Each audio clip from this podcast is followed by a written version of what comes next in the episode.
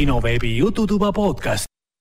tere tulemast kuulama kinoveebi Jututuba, mina olen kinoartis programmijuht Ragnar, minuga koos saates, nagu ikka, on kultuurikriitik Raiko. tervist, tervist! ja Foorum Cinemas programmispetsialist Hendrik. Hello there! Ähm, tänases saates, tänases saates saame öelda nii palju, et tuleb tavapärasest lühem saade. kuigi mul on tunne, mida rohkem seda korrutame, seda vähem see tõele vastab. Um, kõik asjaolud arvesse võttes mineviku track record'i ja nii edasi. aga täna me kindlasti räägime kinofilmidest, suurtest kinofilmidest. tuleb jutuks siis Uncharted kaardilt kadunud ja Kennet Branaga või Branag, Branag, Branagi jär, järjekordne Agatha Christie film Surm Niiluseel ja muidugi ka teised filmid ja seriaalid, mis me oleme vaadanud kodus ja kinos. Enne kui edasi liigume, siis komment-, ühe kommentaari juurde ja siis kuulajate, kuulajate mängu juurde, siis toongi välja, et kinoveebi jututuba kõik saated on leitavad kinosaade.ee lehel ähm,. kinoveebi jututuba leiab internetist põhimõtteliselt pannes, pannes Twitch'i, Youtube'i ähm,, igale poole kinosaade otsinguks. Facebookis oleme kinosaate nime all. Ja, ja muidugi leiab meid ka siis Delfi taskus, SoundCloudis, Apple podcast'is, Spotify's, Google podcast'is ja enamus teistest podcast'i rakendustest ja veel siis ka kinoveeb.delfi.ee lehelt. ja meile saab alati kirjutada, joonistada, videoid saata, sõimu saata armastada meid, ükskõik mida, mis tunded teid valdavad, saab, saab siis teha seda aadressil info, et kinosaade.ee. kõik. sõimata võib ka lauldes. Jah, täpselt, et kõik kirjad loeme ette, välja arvatud siis, kui seal on kirjas, et palun ärge saates lugege. aga sada protsenti garantiid ei anna, sõltub kommentaarist vot ja meil oli siis viimasel saatel see neljakümne kuues saade, mille pealkiri seostus siis Luupaina ja Allega et see on kohustuslik kõikidele filmifännidele. oli üks kommentaar. Oli siis kinoveeb.delfi.ee lehel ja seal siis üks inimene, kodanik nimega T kirjutas meile tagasisideks. liiga pikaks venitatud saade, võiks olla lühem, umbes üks koma viis tundi Ko. korralikud saateosad. Teil ikka läheb liigselt lappama vahepeal, jõudu Äh, äh, ei, no, ei vaidle vastu. ei, ei vaidle vastu, jah. ma ei saa öelda jah midagi, see on. Äh, aitäh selle kommentaari eest, see on väga korralik kriitika. kõik on õige. nõus. et see neljatunnine osa nagu saade ei ole selles mõttes õigustatud ja see on täiesti loogiline ja arusaadav, et see läheb lappama, sest see on neli tundi, seal yeah. peab olema lappamist. et muidu on vahepeal näiteks nii, kui meil läksid kunagi pikad saated, ma lõikasin välja sektsioone Äh, mida ma ja. nüüd ei tee, sest me oleme laivis. ennem oli küll näiteks, et ma ei tea, meil oli kolm tundi viiskümmend, ma lõikasin mingi pool tundi plöga lihtsalt välja vahepealt, et tegelikult äh, seda ei ole vaja. ehk siis kui saated üle lõigata, siis võib-olla seal ongi võib-olla poolteist tundi content'i tegelikult. aga, aga, aga hakkame jah, tõesti, tegelikult meil on tempo, nii et äh, liigume. jaa, liigume, liigume edasi, aitäh selle ühe kommentaari eest, võtame seda kindlasti arvesse. liigume edasi kuulajamängu juurde. meil viimane kuulajamäng oli siis teise hooaja neljateistkümnes osa, vastuseid ootasime üheteistkümnendaks veebruariks ja tavalised kahtlusalused äh, vastasid ka küsimustele äh, või noh, kuulajamängu küsimustele ja siis äh, vastasid ka piltidele. ja sellest teeb meile ülevaate Raiko. jah, meil oli, mis ta lugu oli selline kord, kuus lugu ja neli pilti oli. pildid olid siis õiged vastused Forest Gump, Life of Pi, Lion King ja Pan's Labyrinth. jälle esimesel pilgul võib-olla tundub segane, aga minu soovitus ongi, et natuke väiksemaks ja astuge eemale ekraanidelt. ja peaks hakkama nii-öelda nagu vormima see pilt siis silme ees kokku ähm,. aga õiget vastust, mis puutus lugudesse, oli esimene oli The Son of Sam, mis siis äh, on ainsana teeb õigeks vastatuks siis Villu järelikult, sest kõik teised mm -hmm. panid mööda jah, see oli hea muusika ja seda on tõesti raske leida, sest see on nii-öelda nagu limited series ja, ja selle intro minu arust oli väga horror movie-lik, rohkem kui võib-olla kogu see eh, dokuseriaal ise, aga väga kihvt muusika äh,. siis teine muidugi Demon Slayer, Kimetsu no Yaiba, millest me pole siin saates varem rääkinud äh,, siis jah, see on täiesti uus asi täiesti. jah, seda ei ole varem. vaadanud ka, et äh, nii, kolmas oli Money Heist, üks siis üüberpopulaarne äh, Netflixi seriaal mul endiselt vaatamata äh,. nii, number neli oli Bold and the Beautiful ehk siis Vaprad ja ilusad, mis lõput-, lõputult kestab äh,. siis number viis oli Sea ehk siis ma ei tea, nägemine või ma ei tea, mis, kuidas teiste keeles tõlkida. vaata. Vaata jah. pigem vist on nägemine, nad mõtlevad ju nagu seda, et, et see ab- ability to see või, või, või, või ma ei tea. vaatamine pole, pole nägemine või, või, või mingi e, e, Eestis oleks kindlasti mingi eriti, eriti tiip äh, tõlge oleks mingi, mingi äh, va, nägemata vaatamine. ei, see oleks näe. siin, näe, näe. lihtsalt üks sõna, näe. näe, näe, siis on üks episood üks. näe. näe. kuule, kas sa eile Näe vaatasid? see hea, vaata, see kohe muudab vestlust. nii, ja siis äh,, mis see nüüd äh,, viimane oli The Defenders, mis on siis see äh, endine MCU, praegune MCU või ma ei tea, mis kuradi MCU see nüüd on äh,, siis see nende ühine seriaal, kus oli siis äh, kõik see Luke Cage ja Daredevilid ja kõik teised, ma ei, ma ühte ei nimeta seda veitsat tobedat äh, vilkuva rus- rusikaga venda seal äh,, that didn't, that didn't happen äh,. nii, ja õigesti vastas siis ainsana Villu, nii et äh, con- congratulations, kaks saadet järjest palju õnne, Villu. kas tal on nüüd kaks võitu järjest või? Äh, sest eelmine saade ju me tegime ju loosiga ja, ja seal ju võitis ka Villu. aga Villu vastas õieti siis ainult muusika. ei, ta vastas kõik õig-, vastas kõik õigesti. Aa, ei, pilt on ka vale. viimane pilt on. aa, sorry, meil ei ole õig-, õigesti, õigesti vastanud, siis, siis, siis, on jälle. kolm, kolm vastajat, kelle hulgas ei olegi tegelikult õiget vastajat. noh, siis on ju väga lihtne ju, siis on, siis mina saan pilletid endale. Vilju praegu mingi Kuule. Hendrik oma suu lahti tegema või? ei jah, selles mõttes ongi jah, tõesti, viimane pilt jäi mul kahe silma vahele, et ta ütles, viimane pilt on Thor. aga ei olnud, tegelikult on Pan's Labyrinthi see kuulus see kätetseen, kus ta teeb seda, silmad on nagu käte peal. see vei-, veider koll seal. bugi. ehk siis äh, jah, tõesti, nii Mardo, Master Lex kui Villu fail isid. suure F-iga praegu. Sorry. ei no see, ära, ära nüüd nii hull ka ole, issand jumal. lihtsalt kohe puid alla. ma, ma viskan neile puid alla, lähen koju, viskan pliidile puid alla, nii et äh, mul ongi täna niisugune puude viskamise päev. et aga ei, selge, ühesõnaga auhind ei saa siis, mis ikka, tuleb olla parem ja järgmine kord olla äh, osavam.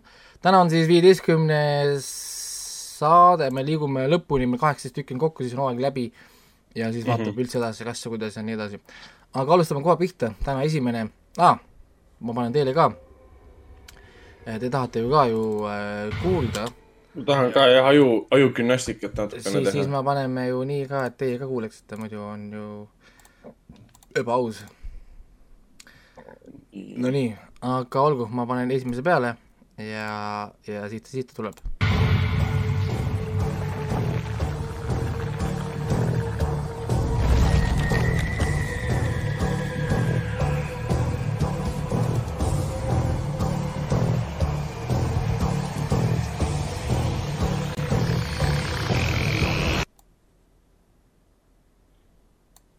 noh, selline ta oli. okei, see oli Ähm. okei. see oli väga okei. see oli kindlasti muusika. ei, see oli, see oli intro ühele asjale, nii et äh, jaa. number kaks.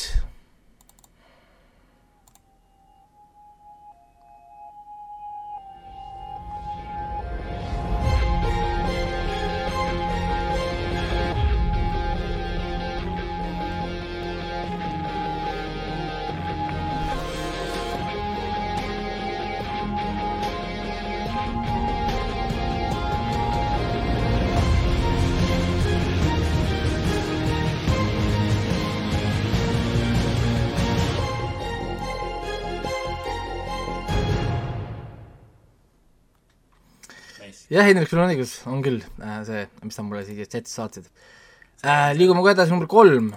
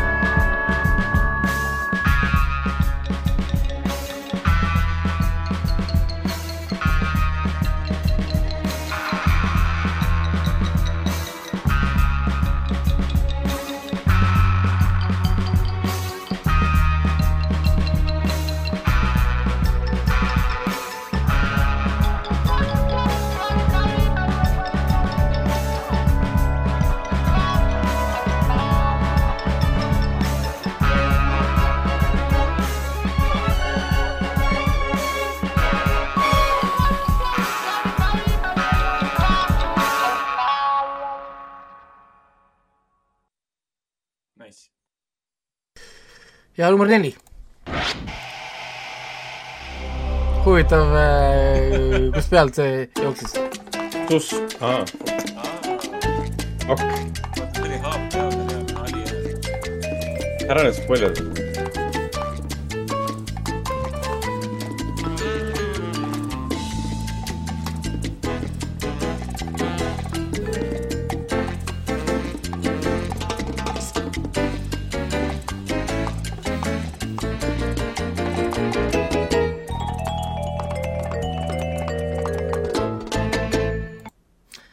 spoilida. Nonii, see oli huvitav äh,, kindlasti huvitav, liigume number viie juurde.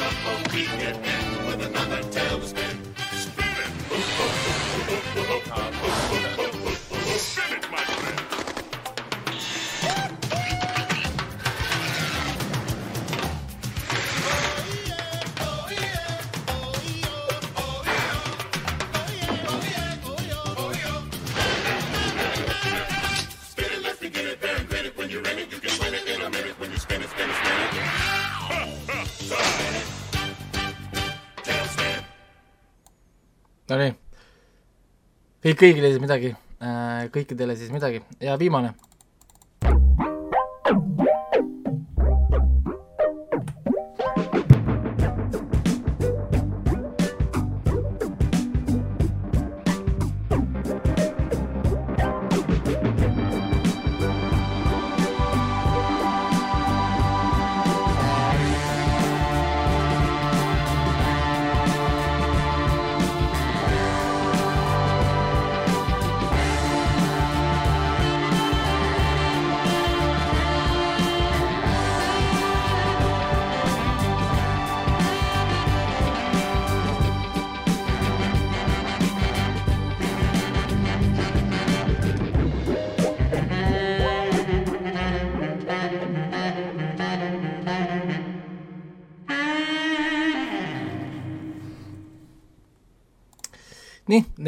Kuus tükki, mõni kergem, mõni raskem, nagu see tavaliselt meil siin käib.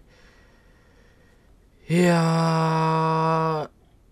ongi kõik, midagi muud ei ole, õiged vastused saate või saatke otsused siis tähendab, mitte ei pea olema õiged vastused alati.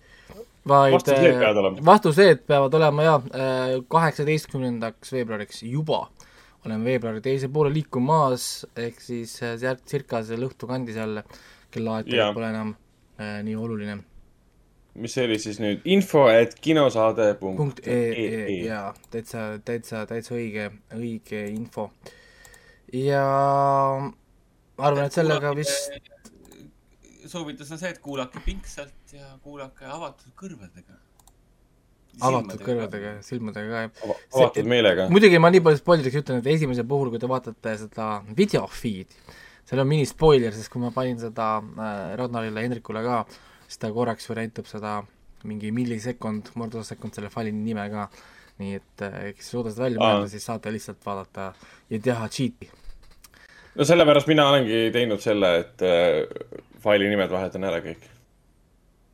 et äh, natukene ei tuleks seda üldse välja. Nonii äh,, aga, aga, aga ma saan aru, et äh, kuulajate mäng tuleb ka meile. tuleb, tuleb ka meile, et lihtne mäng jälle. tuleb lühem, lühem variant, et kaheksa asemel on viis. et ma ei hakka täna lii- liiga pikalt teid kiusama, ei ole mõtet. Ma kohe- ma saan aru, et kiusamine on asi, mis ei ole nagu aktsepteeritud enam. ei noh, kaevatakse Okei. kuskile, nii edasi. Ma Traikoga ei kaeba kuskile, tuleb annab sulle lihtsalt mulle. nii, annab lihtsalt lõuga, sõidab mulle ukse taha. lõuksi, mees, sa ei tea, kui kiiresti ma kui löön. kiiresti ma löön. ma toon, toon tähelepanu, et see ongi see lappamise osa, mis tekitab seda neljatunnist fluffi.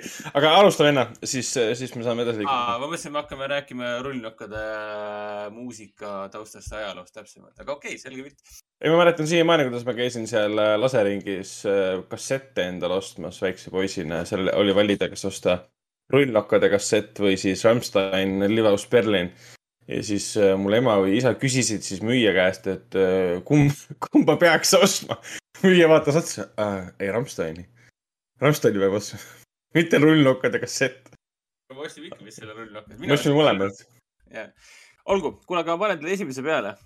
no pane. oota, ma otsin, otsin sind üles ka. ja. aa jaa, otsige meid ülesse, jah. aga miks ma, ma panen vale nime. nii, nii., olete valmis? ma panen peale. jah. see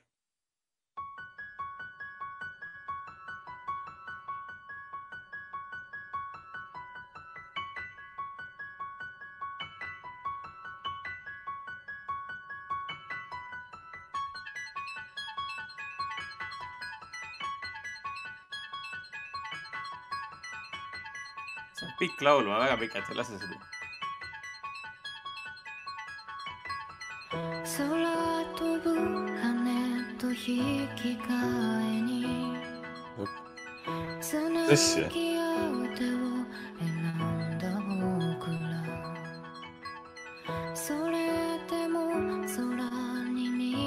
Raiko mingi tõlgib peas sõnu.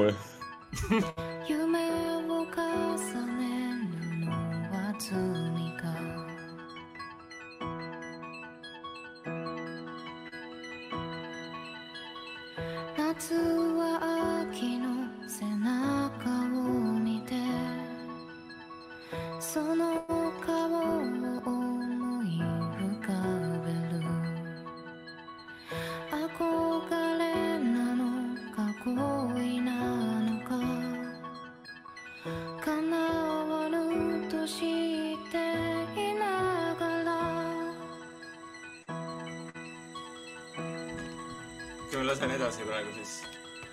tuuli jaamega, tuuli jaame too. kui mul läbi. Ragnar sai kätte.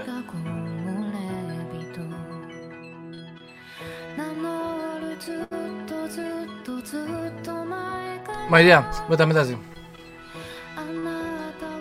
ma võin refrääni ära oodata, äkki siis läheb uus tund lihtsamaks. punya kesan ini saya sih. Ah, se on tuntuu kohta. Se oli trailerissa kyllä. 近くに立つ僕らこの星を出よ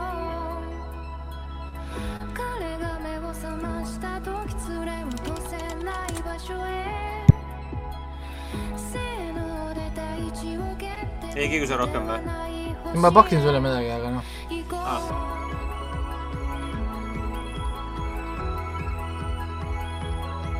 nii, aga selge, ma ei tea. oota. see on siis Makoto Shinkai uh, äh, Weathering with you. aa ah,, okei okay., ma siis hiljuti vaatasin ka seda. Nice. kus see, kus see filmis oli see laul? see oli seal kuskil, äh, mitu korda käis läbi. ta võib küll olla jah, see. treileris ka põhiteema ma hakkasin automaatselt mõtlema Momoro Hosoda peale, äkki see on Summer Wars. aga siis ma hakkasin mõtlema, et see ei Nii, ole aga- You Your Name. aga liigume edasi. ma lähen, ma lähen edasi, nii Jah..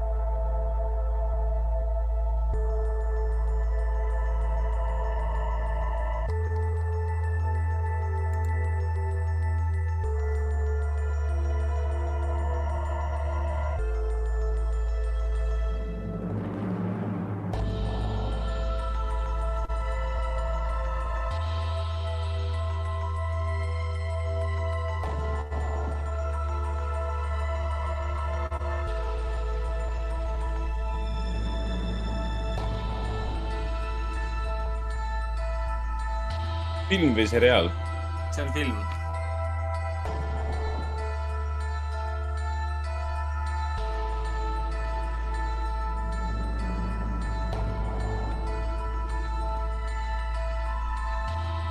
tahate vihjeid või?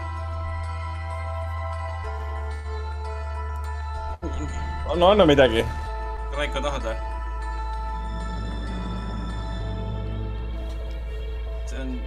See on teine osa väga tuntud filmile, sama helilooja. Briti film.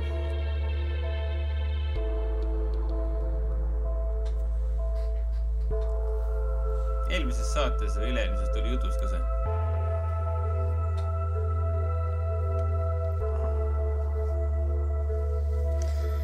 Ben sai oma null koma viis punkti kätte. ei tea.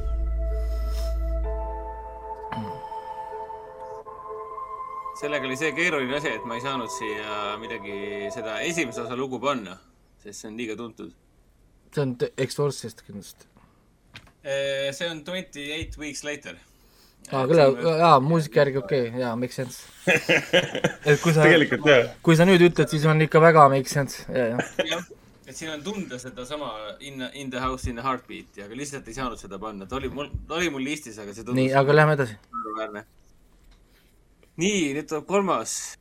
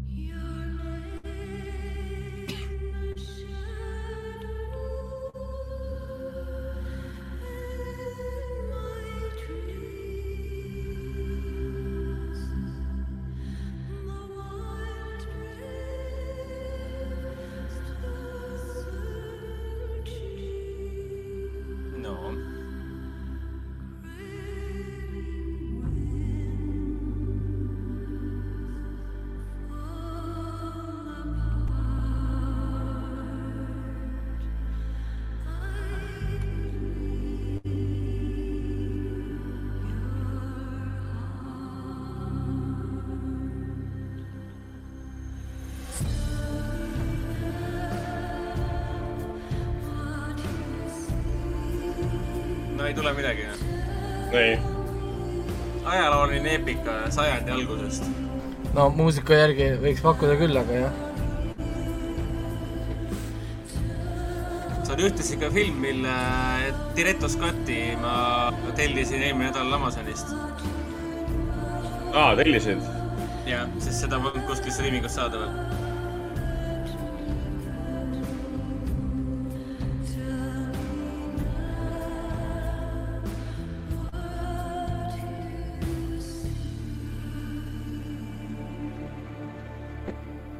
Ühe vihje veel öelda, kes selle äh, muusika autor on. no, see on Simmeri muusika on see. on, see on Simmeri muusika. sellest ma sain kohe aru, aga see on selline ajalooline eepika, mille peale kohe aa, keel ei lähe märjaks. oota, ära välja ütle, tegelikult ma tean. aga see on filmifännide seas pigem ik- ikkagi hinnatud. nii, ma panen, saatan sulle. Raiko pani täiesti õigeks. ok, õige, muidugi. Raiko saab oma esimese null koma viis punkti kätte.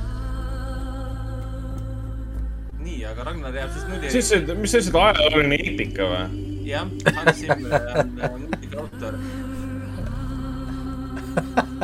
sajandi algusest.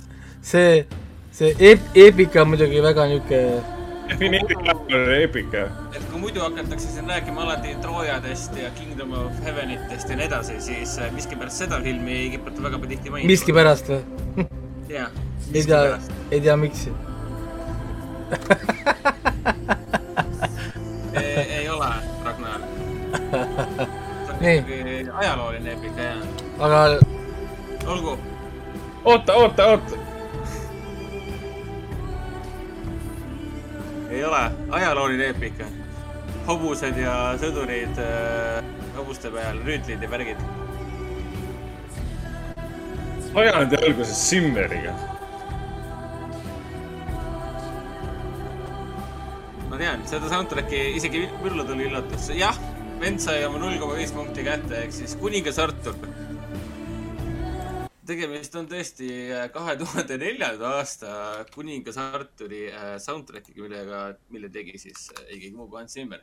Clive Owen ja Keira Knightley olid peaosades. niisugune, tugev, tugev viie punkti film. täitsa no, no, nauditav film.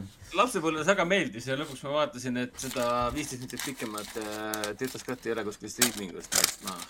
tellisid selle Blu- ta, Blu-ray ta või? isegi ütles seda ka meile ju. oota, kas sa nagu, nagu 4K ikka tellisid või? kus ma seda delikat vaatasin minu arust nagu siin. no 4K annad mulle, Blu-ray tavaliselt võtad endale, asja. milles probleem? nii, aga liigume edasi. nii, neljas, eelviimane.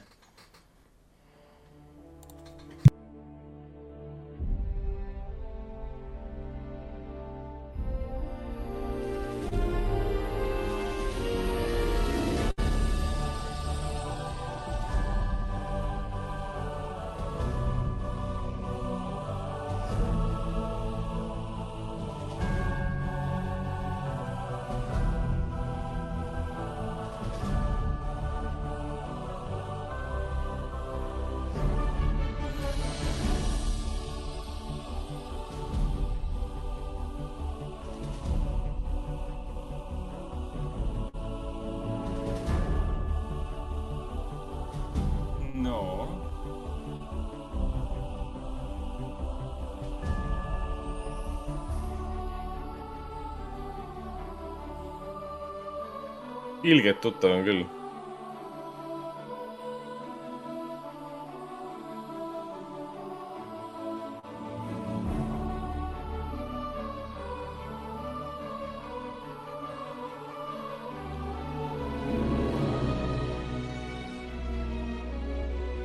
ma ei saa sellele küsimusele vastata, Ragnar, sest see on vihje andmine. sa andsid juba sellele, sellega mulle vihje praegu. Andsid mulle vihje sellega, et sa ei vasta. tahate vihjet või?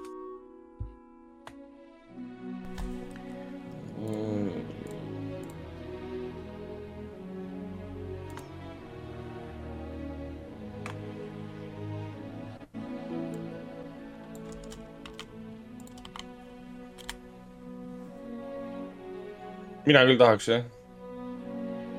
selle muusika autor on jah, James Horner, selle ma tabasin ära, jaa.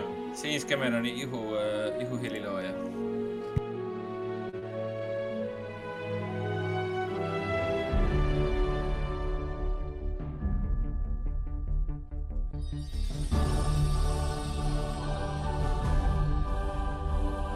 tegemist on filmi algusega ja tõenäoliselt kõige tuntum film, mille James Cameron kunagi teinud on.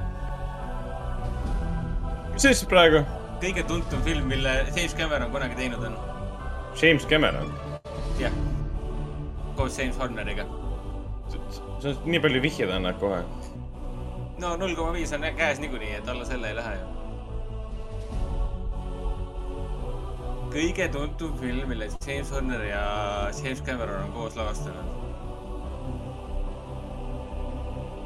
mitte sellest sajandist pärit film.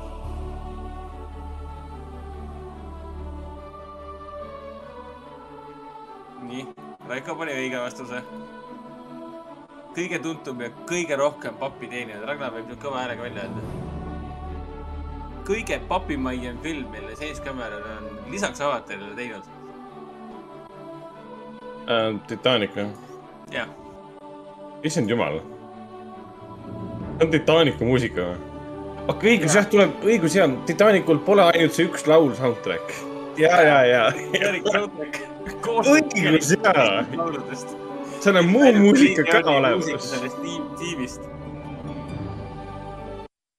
et jaa, kuule, väga rasked küsimused on siiamaani olnud, et äh, aga aina paremaks läheb, sest äh, nüüd tuleb klipp filmist oi jumal. nii, ja ma panen selle peale. see on hästi lühike, nii et hoidke kõrvad lahti, et saate vihjeid.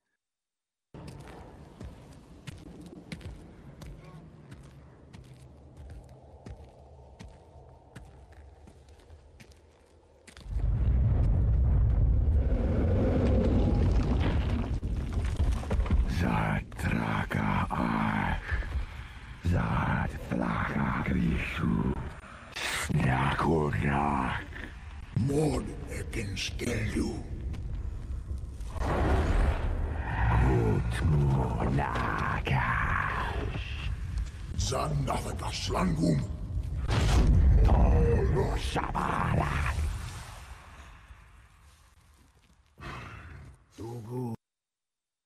nii, hea tüüp ikka. ma vist pakkusin, vist pakkusin õigesti nüüd. ma ei tea, pakun siin mingit varianti. Ma tean- ma ma sain kohe aru, mis see on, aga ma ei saanud aru täpselt, et kust, aga nüüd, nüüd ma tean, jah. nii ma sain keelest aru. äh,. ja Keel on Raivo on tuttav. äh, õigel teel. ütleme niimoodi, et tema kolmest pakutust on äh, teine õigel teel. Kolmest viimasest pakutust ja Ragnar äh, pani äh, täppi, jah. hea valik. hea klipp tõesti.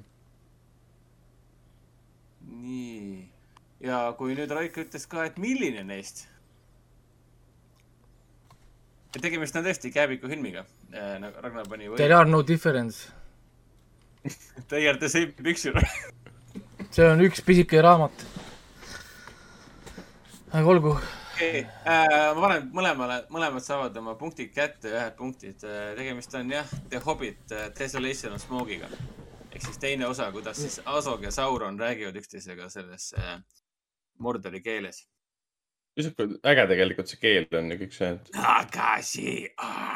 see on nii tore, see on nii nunnu, see on nii nunnu, kuidas äh, mingid elemendid sellest seeriast tegelikult hullult hästi töötavad. Ja siis tuleb kolmas osa, mis ütleb, et äh, ei, meil tegelikult ei tööta üldse mitte midagi. ei no, jah, okei okay. ma äk- äkki isegi vastu vaidlema. mul kunagi oli soft äh, spot nende filmidega, aga see on natuke vaibunud aastatega. nähes, mida see põhitriloogia tegi ja siis need järgnevad filmid pole halvad, nad lihtsalt äh, olid kõik kuidagi väga kiirustatud maiguga, ütleme nii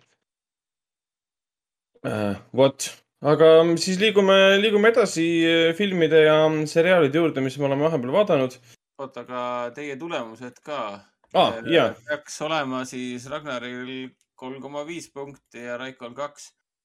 Mhm. üks koma viis, kaks, kaks koma viis ja kolm koma viis, jah, täpselt kolm koma viis ja kaks, viiest, viiest täispunktist siis.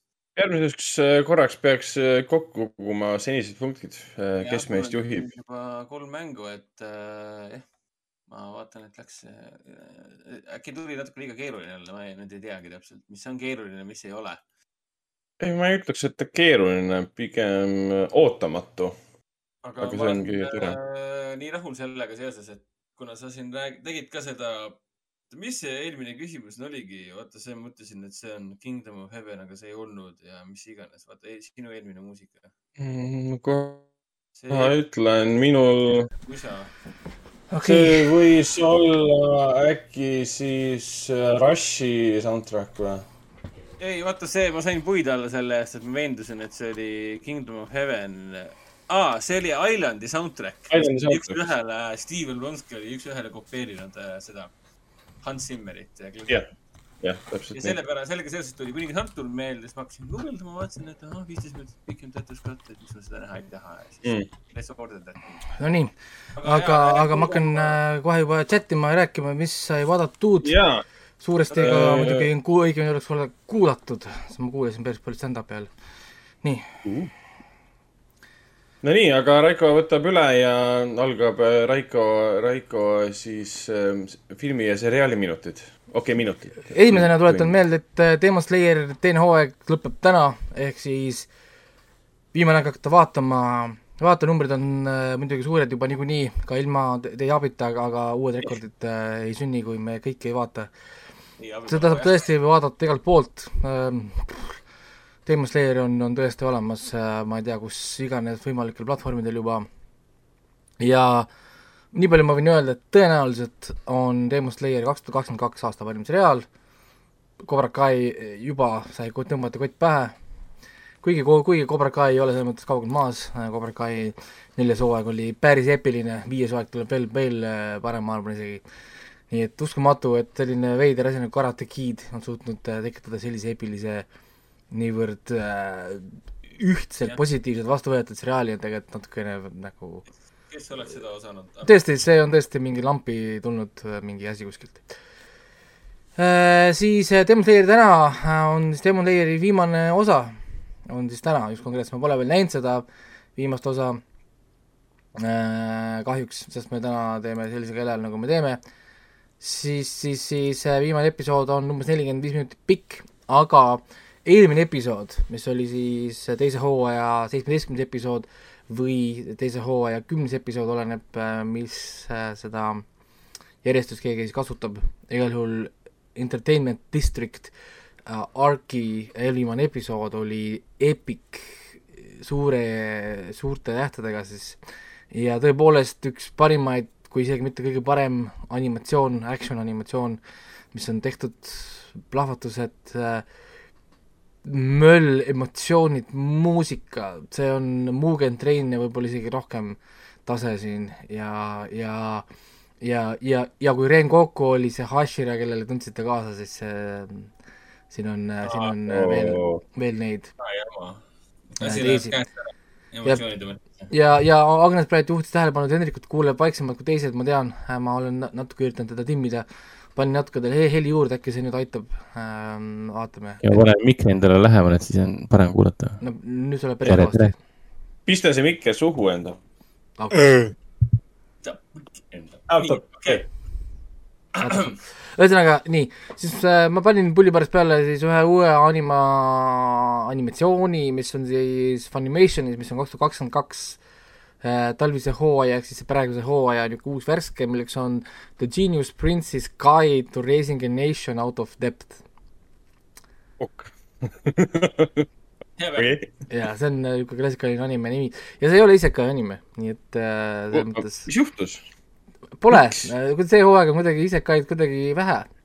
Mis ära nagu vaadanud. tundub, tundub nagu, nagu nõrk, kuigi tegelikult ma vaatan juba ju kahte isekaid sellel hooajal mis oli see äh, Lee Dale ja siis teine oli see, issand, mis need nimid, nimed juba on. nii et, et tegelikult juba jooksevad küll ja see on lihtsalt väga lihtne lugu, kuidas äh, prints pärib äh, kuningalt äh, kuningriigi aga ta ei viitsi seda nagu sellega tegeleda ja ta tahab selle kuningriigi võimalikult kiiresti maha müüa või see kuningriik võimalikult kiiresti rahaks teha.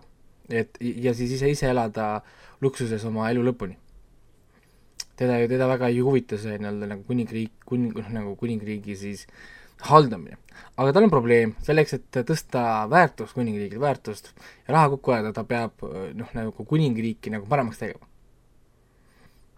noh, noh, et, et sa ei saa seda müüa ju maha, kui see on ju mingi närvune kuningriik ja siis muidugi selle käigus ta teeb järjest ja järjest kogu aeg nagu head ja, ja tõuseb siis nii-öelda nagu igal pool esile, kogemata vallutab naaber kuningriike äh,, naaber, sest tema tahab, tema tahab tegelikult sinna minna ainult, et kullakaevandust endale saada, aga rahva jaoks on see nagu hästi oluline ja mingi toit ja päästab asjad. ja siis põhimõtteliselt see ongi komöödia, kuidas tema tegelikult proovib ainult teha iseendale nagu kasu, iseendale raha ja pappi ja siis äh, samal ajal ta teeb tegelikult nagu kõikidele ümberringi head ja siis kõik kummatavad, et ta on mingi parim prints ever ja parim kuningas tal on tegelikult nagu, et äh, ei, mind tegelikult ei huvita ja, ja ma tegelikult tahan lihtsalt pappi kokku ajada.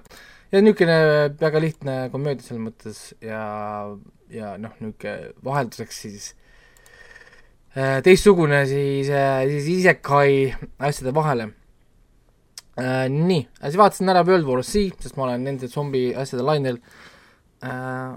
World War Z on tegelikult loll film, selles mõttes, et siin on äh, uskumatult On. palju lolle stseene, eriti sorry, see alguse koht, kus kohas Brad Pitt näeb esimest korda zombisid ja ta näeb kedagi ham-, hammustab, loeb sekundeid.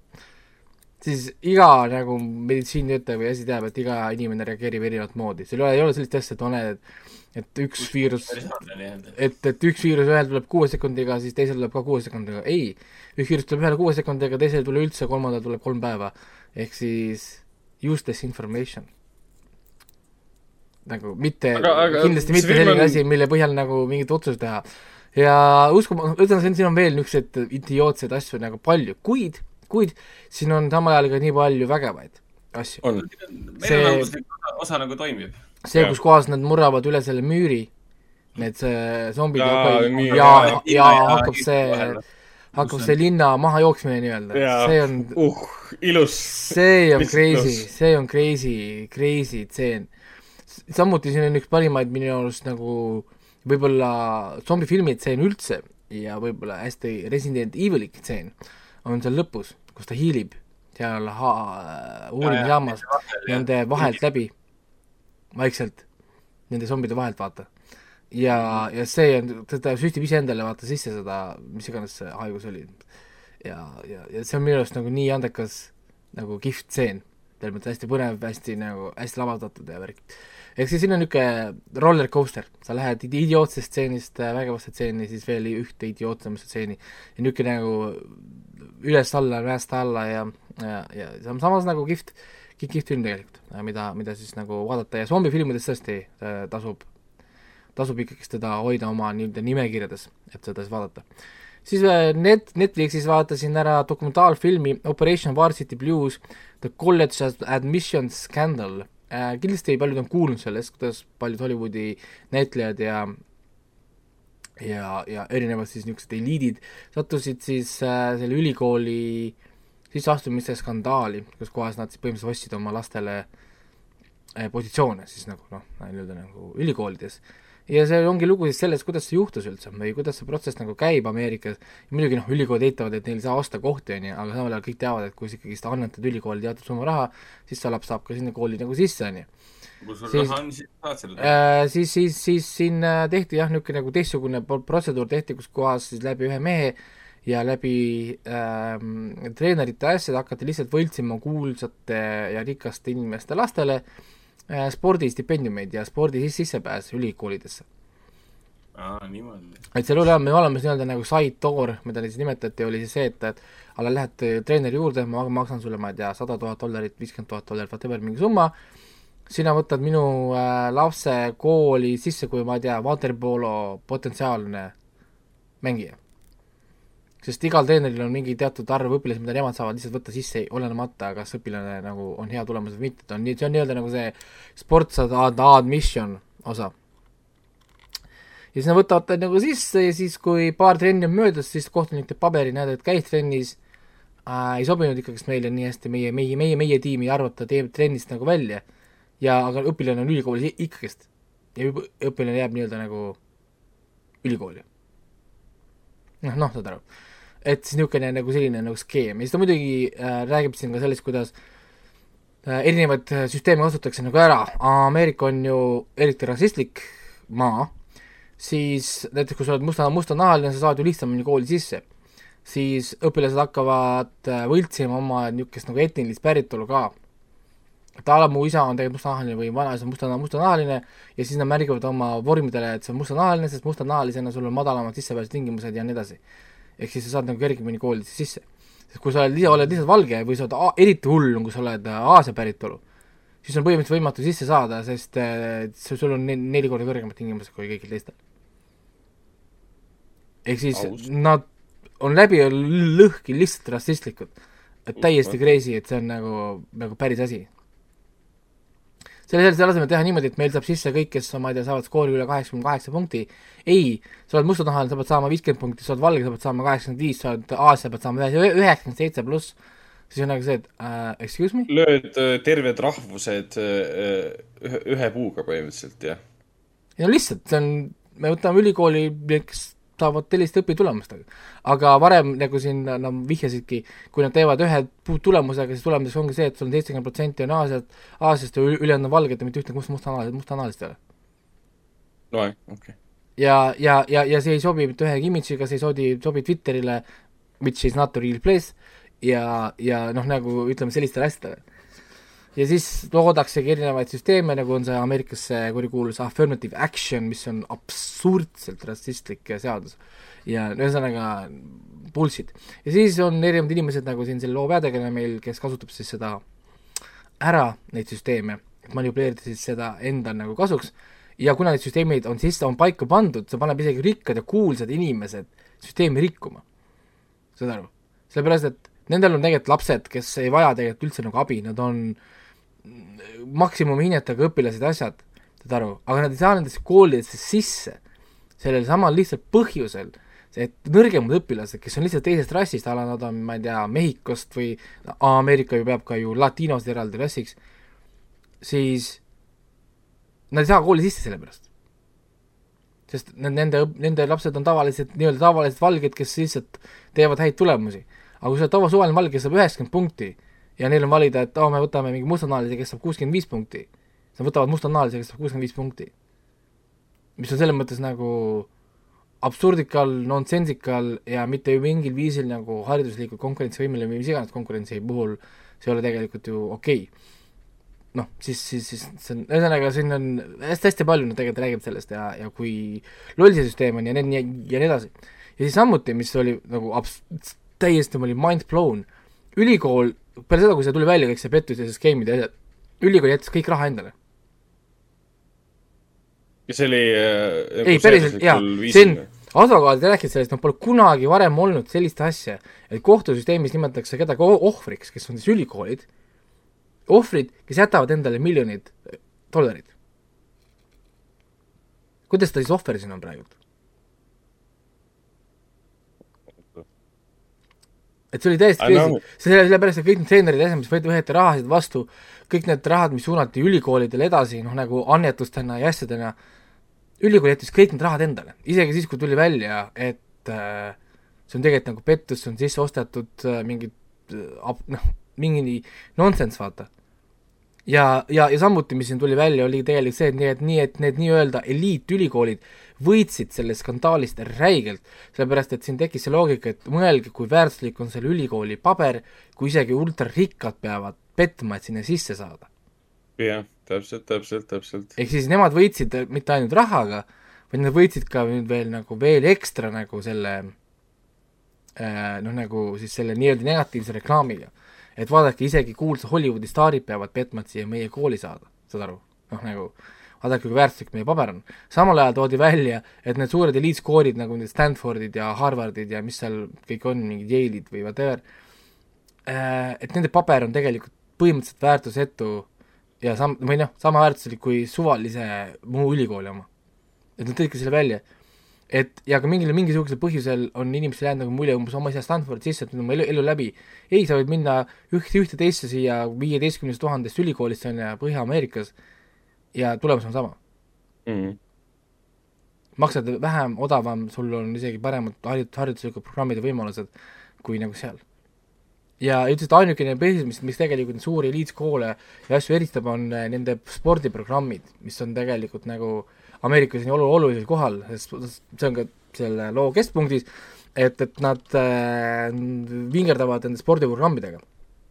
ja, ja nendest suurtest ülikoolidest tulevad siis nii-öelda need suured sportlased siis hiljem, kes siis lähevad olümpiatele ja NBA-desse, NHL-idesse või whatever, sest need, need panevad tohutult ressursse ja stuff'i sportlaste treenimistele. aga sa oled ülikool, sa ei ole spordikool. Who gives a shit nagu, noh, minu nagu loogika. ma ei kujuta ette, ma lähen Tartu Ülikooli matemaatikateaduskonda sellepärast, et ma mängin hästi, ma ei tea, korvpalli või? mis asja nagu, vah? ei kujuta jah mis asja, mis selle point nagu on siis, noh nagu, et selle jaoks sa lähed äh, Audentesesse, kui sa tahad äh, sporti teha. sul on olemas selle jaoks eraldi kool. et väga-väga veider ja jälle näitab seda Ameerika mõttetuid läbi korrumpeerunud süsteeme, ajuvaba, no sest see oli nii crazy lugu lihtsalt. ja, ja kõige pulim on ka see, et äh, see põhiline vend, kes seda tegi, tema on vaba ju kõik need näitlejad said siin ju, see Felicity Hoffman ja kes need siin olid, said ju päris vanglakaristusi. jah, täpselt. Aga see aga- põhitüüp, põhivend pole mitte, mitte, mitte midagi saanud, ta on täna veel vaba ja põhjus, miks ta on vaba, on selles, et see diil, mis ta tegi siis selle D-, DA-ga või see district at- attorney'ga, oli siis see, et te-, tema üle mõistetakse kohut siis, kui kõik teised asja osa, osa, osalised on läbi mõistetud. Aga neid Aa, teisi asja, asja osa, osalisi on nii palju ja teised asja osalised on kõik multimiljonärid ja rikkad, siis nad teevad kõik endast sõltuvad, et need äh, otsuseid mitte saada või ven- venitada neid, neid kõige pikemaks. ja siis ta ütles ka, et tõenäoliselt see inimene sureb enne vanadusse, vaba mm., vabana, kui ta jõuab kunagi kohtu ette. see süsteem on ikka hämmastav, kuidas sellega saab nagu kaitsta kurjategijaid. mitte nagu kaitsta, aga lihtsalt hoida neid ära vastutuse võtmisest. No ja siis minu jaoks oligi, nüüd lõpuks keda siis, keda siis karistati?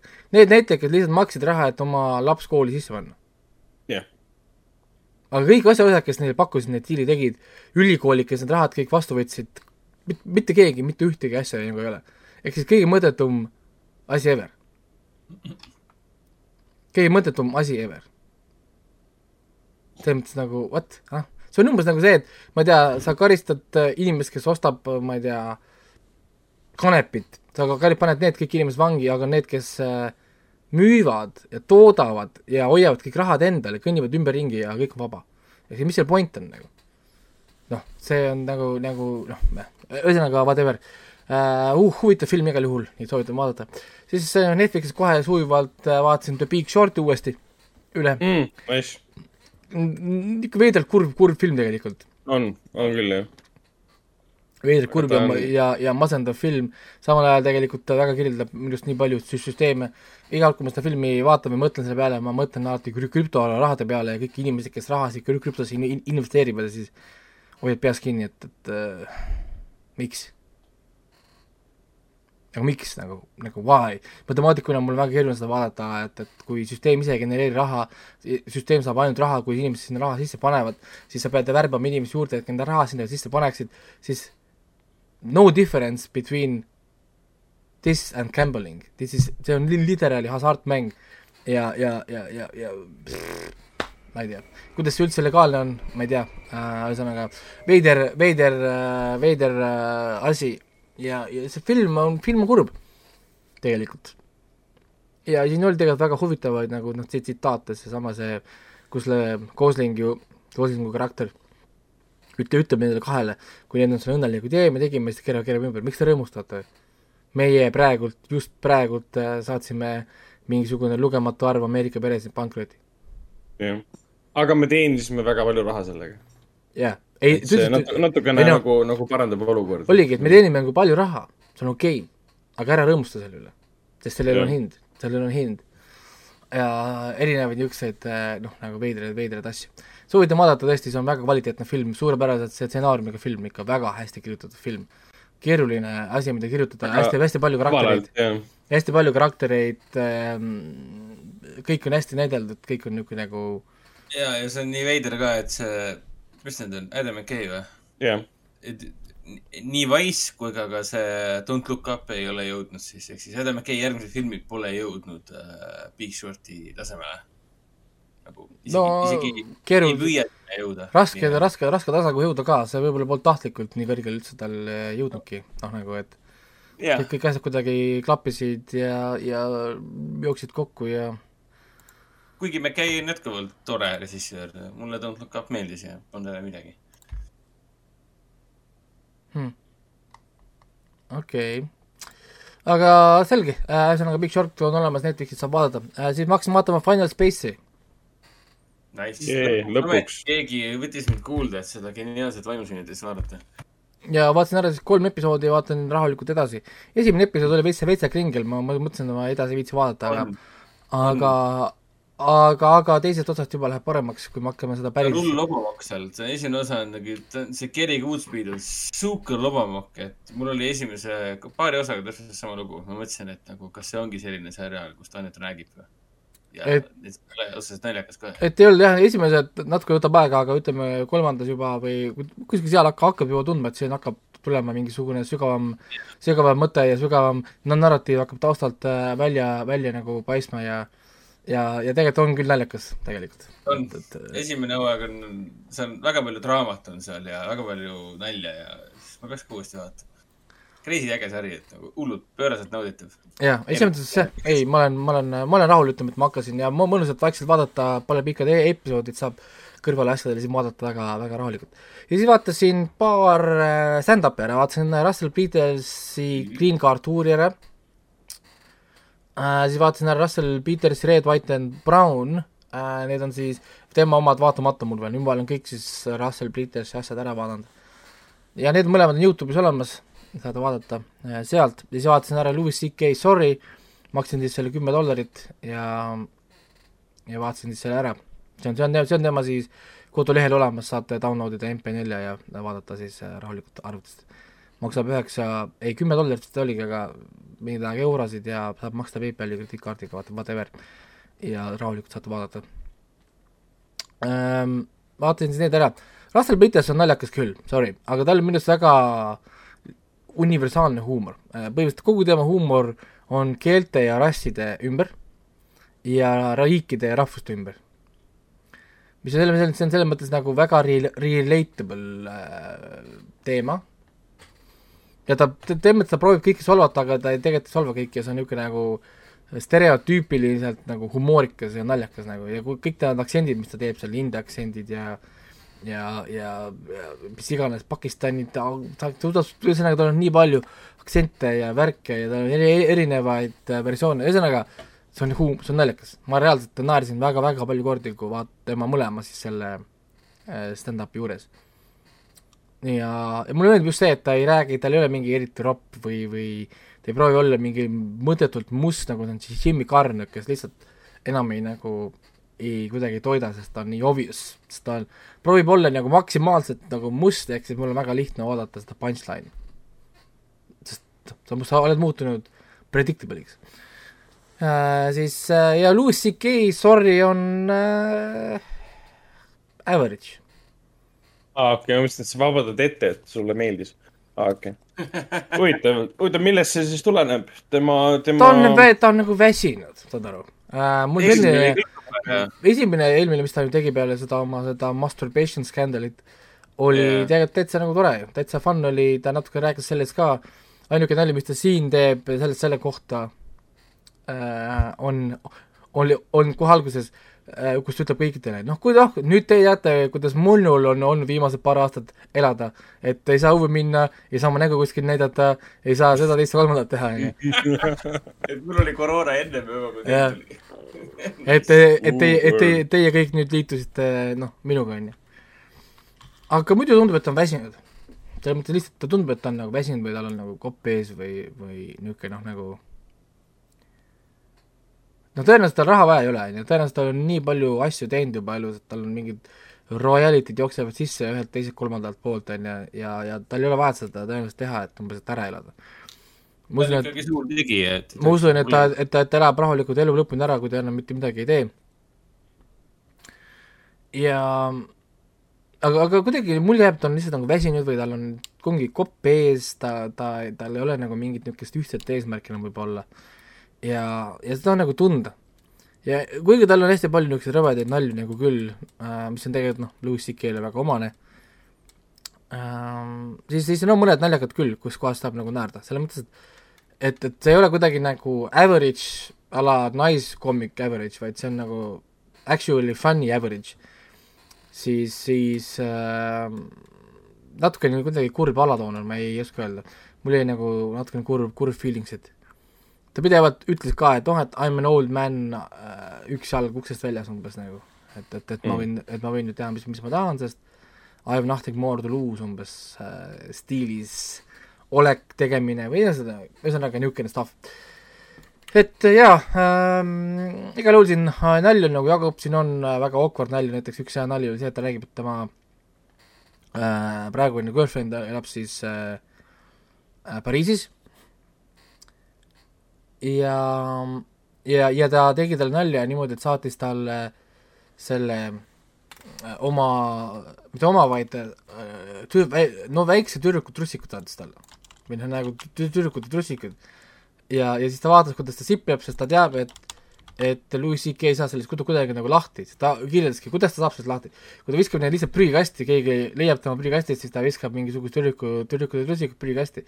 Kui ta proovib need ära põletada või maha, maha, maha, maha matta öösel, siis on see veel ainult hullem, see näeb ainult nagu noh, see näeb järjest hullem, hullem nagu välja, et, et ükskõik mis pidi ta proovib, proovib nendest nagu lahti saada, nendest trus-, trussikutest, et seda hullem see välja hakkab nagu nägema. ja, ja siis, siis tal on seal mingi terve piik, noh, suur segment sellest äh, pedofiiliast ka ja, ja pedofiilide püüdmisest ja protsessidest ja siin on tegelikult asju, mida nagu kuulata selles mõttes küll, aga natukene kurb millegipärast tundus mulle, nii et ma ei tea, kuulake ära, vaadake, kas teil jääb sama mulje, mis mulje, et äh, midagi on kuskil valesti. maksab suht vähe, nii et äh, pole kahju talle seda äh, üheksat euri anda. ja, ja viimane asi, mis ma vaatasin, oli siis Netflixi uus film The Privilege või The Privilege on siis sakslaste zombi mingi, ei, pigem ütleks nii, et see film on siis äh, selline, kus kohas The Last of Us meets The Invasion of Body Snatchers mm.. on siis selle, ütleme võib-olla see on päris hea ja huvitav kombo. niisugune, niisugune jah, viis, kuidas seda kirjeldada. ja lugu algab siis sellega, et äh, poiss elab lapsepõlves trauma läbi, kui ta õde läheb hulluks, tahab, õde tahab teda sillalt alla visata, aga õde kukub ise sillalt alla. Ja nüüd, nüüd ta käib siis te- teraapias ja ta hakkab nägema erinevaid veidraid asju pidevalt kogu aeg enda ümber ja ja, ja, ja muidugi väga mugavalt neil bioloogiatunnis õpetatakse salapärasest stseenest, ehk siis kui te olete mänginud The Last of Us'i, siis see Cordyceps või mis iganes selle seene nimi on, on tuttav, see tseen, mis võtab siis aju ja kõik asjad, funktsioonid üle eh, ja võtab ära siis nii-öelda saagi ellujäämisinstinkti, et juhtida siis saak siis vastava looma juurde. et näiteks seal toodi välja, et see seen võtab üle putuka, võtab ära putukalt selle enese alalhoiu instinkti, juhib putuka otse linnu teele, linnu ette, et lind sööks putuka ära ja siis niimoodi saab ta linnu sisse, et võtta nüüd üle lind. noh, nii-öelda nagu selline stseen on siis päriselt olemas. ja, ja selle seeni ümber ehi- ehitati ka terve The Last of Us frantsiis tänaseks siis või uni- uni- universum, mis nüüd äh, ka seriaalina varsti meieni jõuab. siis äh, see film, see on siin filmis olu- olulisel kohal, ma ei ütle midagi täpselt, kuidas see kõik toimib. ja siis teine on see Invasion of Body Snatchers teema, ma ei hakka siin rohkem rääkima, kui keegi on näinud filmi ja teab, mis ja kuidas see käib. ja natuke hakata mõtlema, kuidas need kaks omavahel kokku või võivad minna, siis see storyline unfolds mingil määral. ta on niisugune natukene horror, aga enamasti niisugune fantasy action rohkem. Saksa filmi kohta minu arust äh, suurepärane kvaliteet. Ähm,. huvitav film selles mõttes küll.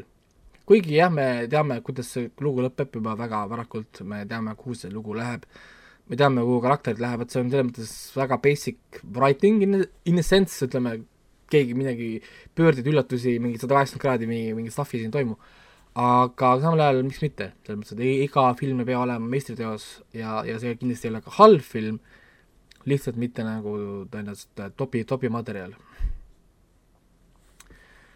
nii et jah, Netflixi Privilege on täitsa olemas, väga värske film, kaks tuhat kakskümmend kakskümmend kaks äh, film, nii et äh, miks mitte vaadata, kui, kui ole- olete juba zombi, zombiretkedel ja vaatate zombi asju, siis äh, Privilege'i võiks ka äh, pilgu peale, peale visata.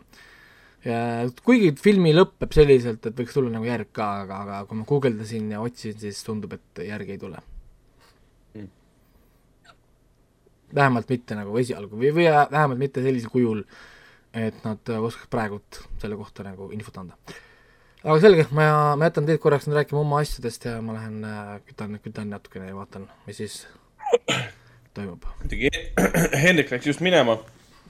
eks ma, eks ma võtan siis üle ja, ja räägin ka natuke oma, oma asjadest uh,. All of us are dead, endiselt vaatan seda, endiselt pole lõpetanud. Endiselt on mul nüüd neli või siis viis episoodi vaadatud. ta on hea, ta ei ole kindlasti nii suur äh, kvaliteedi, ütleme tähisega seriaal kui äh,, kui Kingdom. seal on, siin on hästi palju, hästi palju fluff'i. ja mm, selle all ma pean pigem nagu silmas seda, et siin on palju selliseid ebatarvilikke asju ähm,, suhtluseid äh,, mingisuguseid teemaalgatusi, teemaarendusi, mida tegelikult eelmises saates tõi ka Raiko välja, kes on siis kogu selle hooaja nüüd juba ära vaadanud ka. ja Raiko ütles samamoodi, et siin on umbes niimoodi, et sul on zombiapokalüpsis, miks te räägite siin oma, omavahelistest äh, tunnetest ja kes keda nagu armastab ja et minge võidelge oma elu eest, et siin on päris palju seda. aga see on jälle see, et kas sulle meeldib või mitte. mulle ta tegelikult meeldib, sest karakterid on huvitavad ja põnevad mm,. draama on kõik väi-, räigelt nagu, nagu siukene üle mängitud äh,, mitte nagu halvas mõttes üle mängitud, aga draama on selline mm, suur, suur draama, kui keegi ikka sureb zombide tagajärjel, siis see on ikka nagu tohutu emotsionaalne pauk äh, nii dramaatilises võtmes kui ka siis tegelaste jaoks, kuidas see kõik on lavastatud, see, see ei ole lihtsalt, et keegi sureb kuskil kaadrist väljas, et see on ikka suureks, suureks, suureks, suureks mängitud. ja, ja ikkagi, ikkagi meeldib, aga seda järjest ma ei jaksanud vaadata, et pigem äh, kord, kord päevas või kord nädalas paar osa vaatad. vot ja ma siis. püüan ka jõuda selle alustamiseni. hullult ootan seda. ei, ta on äge, ta on tõesti äge, seda on, seda on äh, huvitav isegi vaadata, vaadata nagu, nagu võib-olla kaaslasega või suurema seltskonnaga, et siin on, ta on, ta on nagu nii suurt elamust pakkuv selle koha pealt, sa, sa ei oota neid emotsioone äh,, mis tegelasi nagu haaravad ühel hetkel, sest äh, need hetked ka, kus siin tekivad teatud arutelud mingite asjade üle, et kes keda petab ja, ja, ja see tulegi nende asjade peale, mida üks tegelane, millega üks tegelane hakkab tegelema keset zombi apokalüpsist. et miks sa sellega praegu tegeled, aa, sellised asjad okay.. miks siuksed asjad näiteks ja siis ta lihtsalt tulebki välja, et see on väga inimlikud põhjused, et mul ei ole sõpru näiteks ja ma tahan, et te mind armastaksite, aga ma ei oska teistmoodi ennast väljendada, kui et ma pean olema mingi õel bitch ja kõik siuksed asjad. korealaste probleemid. jah, et ta on ikkagi teistsugune, teistmoodi andmine kui, kui kõik muu. ja ega tegelikult ma rohkem äh, ei olegi kodus vaadanud, et Seinfeldi ma vaikselt vaatan edasi. ta kasvab mulle külge, ütleme, et kolme hooaja jooksul ma ei ole sillas temast. aga, aga ta lihtsalt äh, paneb äh, võib-olla see sisendab sulle seda, et siin, siin on mingi lootus, et tuleb midagi muud. Selle koha pealt, et ta on nagu seriaal, millest ma saan aru, et kõik armastavad ja kiidavad ja vanem põlvkond seda jumaldab, kõik siuksed asjad, aga ju siis mina olen see sõprade fänn ja community fänn ja Parks and Recreationi fänn rohkem ja kui ma lähen nagu vanema asja peale, siis see läheb natukene üle, üle pea see huumor minust. või lihtsalt ma ei näe, et on midagi naljakat, kui mingid kolmekümne viie-kuueaastased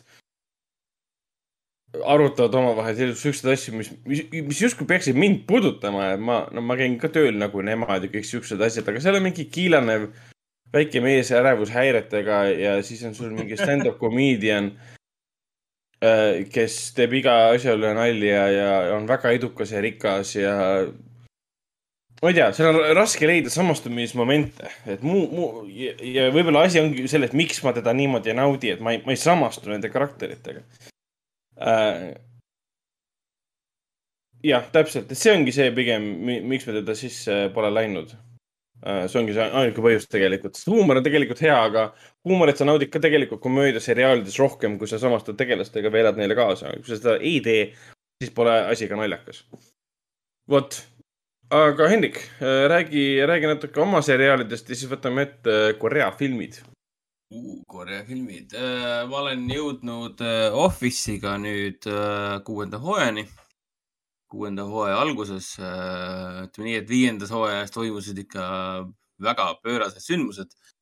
sest kui keegi oleks mulle kunagi öelnud, et äh, Michael Scott viiendas hooajas äh, lahkub Thunder Mifflinist äh, suure kära ja käratsemisega ja teeb oma ettevõtte, siis ma ei oleks seda uskunud, sest mis mõttes Michael Scott lahkub Thunder Mifflin, Mifflinist, The Paper Company.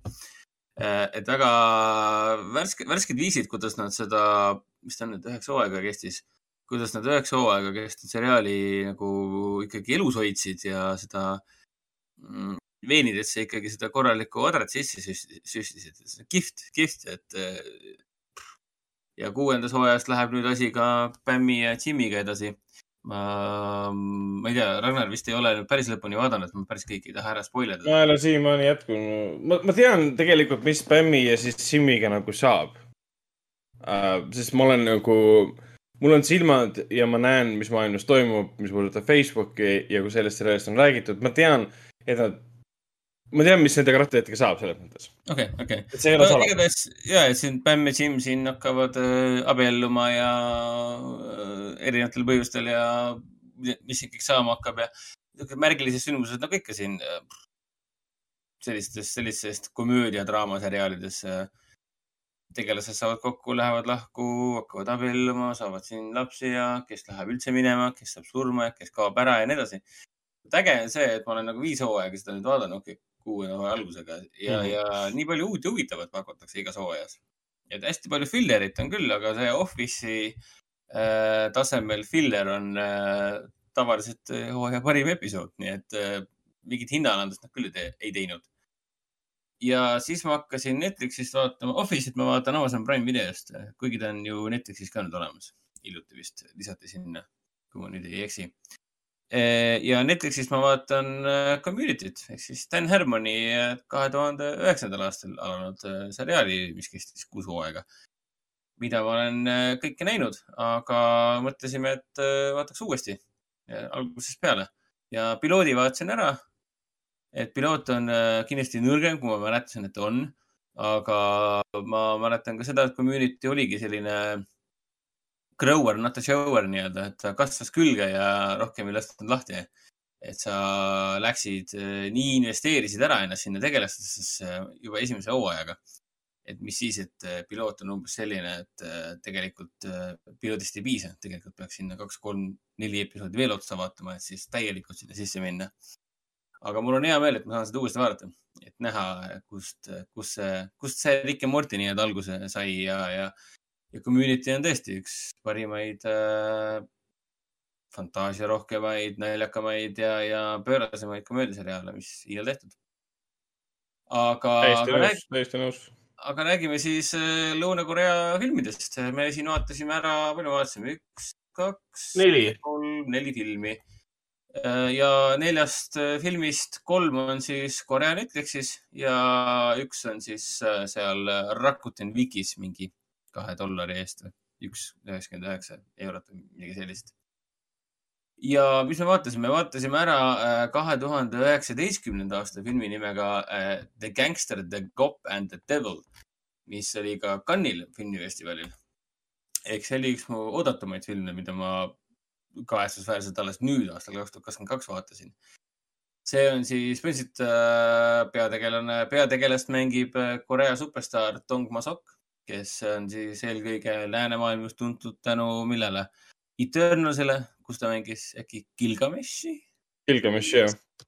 ja no enne, enne Eternalsit oli see Dong Masok kindlasti populaarne tänu sellele äh, Train to Busanile, millest nüüd sellel aastal peaks tulema ka USA remake'i, remake.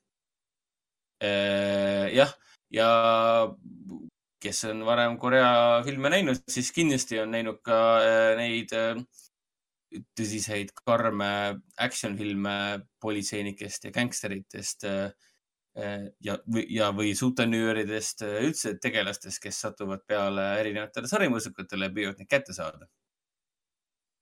ja see Cop and the Devil sellest nagu räägibki, et meil on gängster, Dong Mosok, meil on võmm ja meil on sarimõõsukas ja siis nende teed ristuvad nii-öelda. Ja siis politseinik ja gängster panevad, löövad käed kokku, et siis üheskoos ühiste jõududega oma vahendid ära kasutades see sarimõõsukas kätte saada.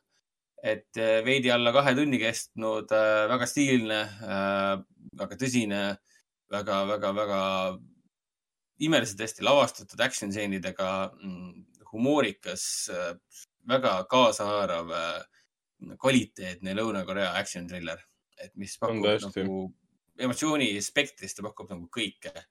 nii hullult tõmbab sisse ära ja e eriti just see, kuidas siis äh, gängsterid ja võmmid püüavad siis äh, erimeelsused maha matta ja üheskoos eriti vastik siukene, no tõesti sõge sarimõõsukas kätte saada ja ta on väga huvitav sarimõõsukas ka, sest muidu need seal Lõuna-Korea filmides need sarimõõsukad kipuvad ilmselt naisi taga ajama ja neid tapma seal. noh, võtame siin Chaserid ja Memories of Murderid ja nii edasi, et noh. Aga seekord, seekord on asi kuidagi teistmoodi, et see kõik see meenutab nagu rohkem mingisugust äh, kindlustuspettust nii-öelda. kõik justkui algab süütu, süütu, süütu põmpsuga sinu, sinu, sinu auto pihta ja ometigi see lõpeb noa, noahoopide laviini all. jah, aga ei, ta on väga, väga stiil, stiilne film igatepidi, vihm sajab kogu aeg, kõik tegelased on hästi kurjad kogu aeg. Üksteise peale õiendavad uh., reedavad üksteist, sest noh, politseinik peab käituma politseinikuna, gängster käitub gängsterina. ja mis siis saab, kui gängster saab selle paha esimesena kätte, kas ta käitub nagu politseinik või gängster ja kõik siuksed asjad. ja seal on mõned väga suured äh, pöörded lõpupoole tulemas selles, sellega seoses ka, et kuidas kõik osapooled saavad rahuldava tulemuse. et kuidas saab gängster kätte maksta siis sellele sarimõrvarile ja kuidas politseinikud saavad sarimõrvari niimoodi kinni panna, et gängster saaks talle kätte maksta. see oli väga andekas viis, kuidas fil- filmi lõpetada, ütleme nii. no hea näide filmis ongi see, et miks, miks, miks gängster üldse peaks mingisugust sarimõõsukat taga ajama. sellepärast, et see sarimõõsukas valis tema enda ohvriks, aga loomulikult tal ei õnnestunud eriti tohutu suure põki kehaehitusega gängsterit maha võtta oma noahoopide laviiniga ja sai hoopis ise nuga ja põgenes minema ja gängster mingi tongusokk mingi, mis jama see nüüd on, otsime selle värdi ülesse ja võtame ta maha, aitab küll. jah, jah. aga väga uni-, uni-, uni-, läheb. igatipidi unikaalne plott ja ma saan täiesti aru, miks Stallone selle õigused endale ostis ja, ja väidetavalt on ähvardanud maailma, et nad teevad siis remake'i.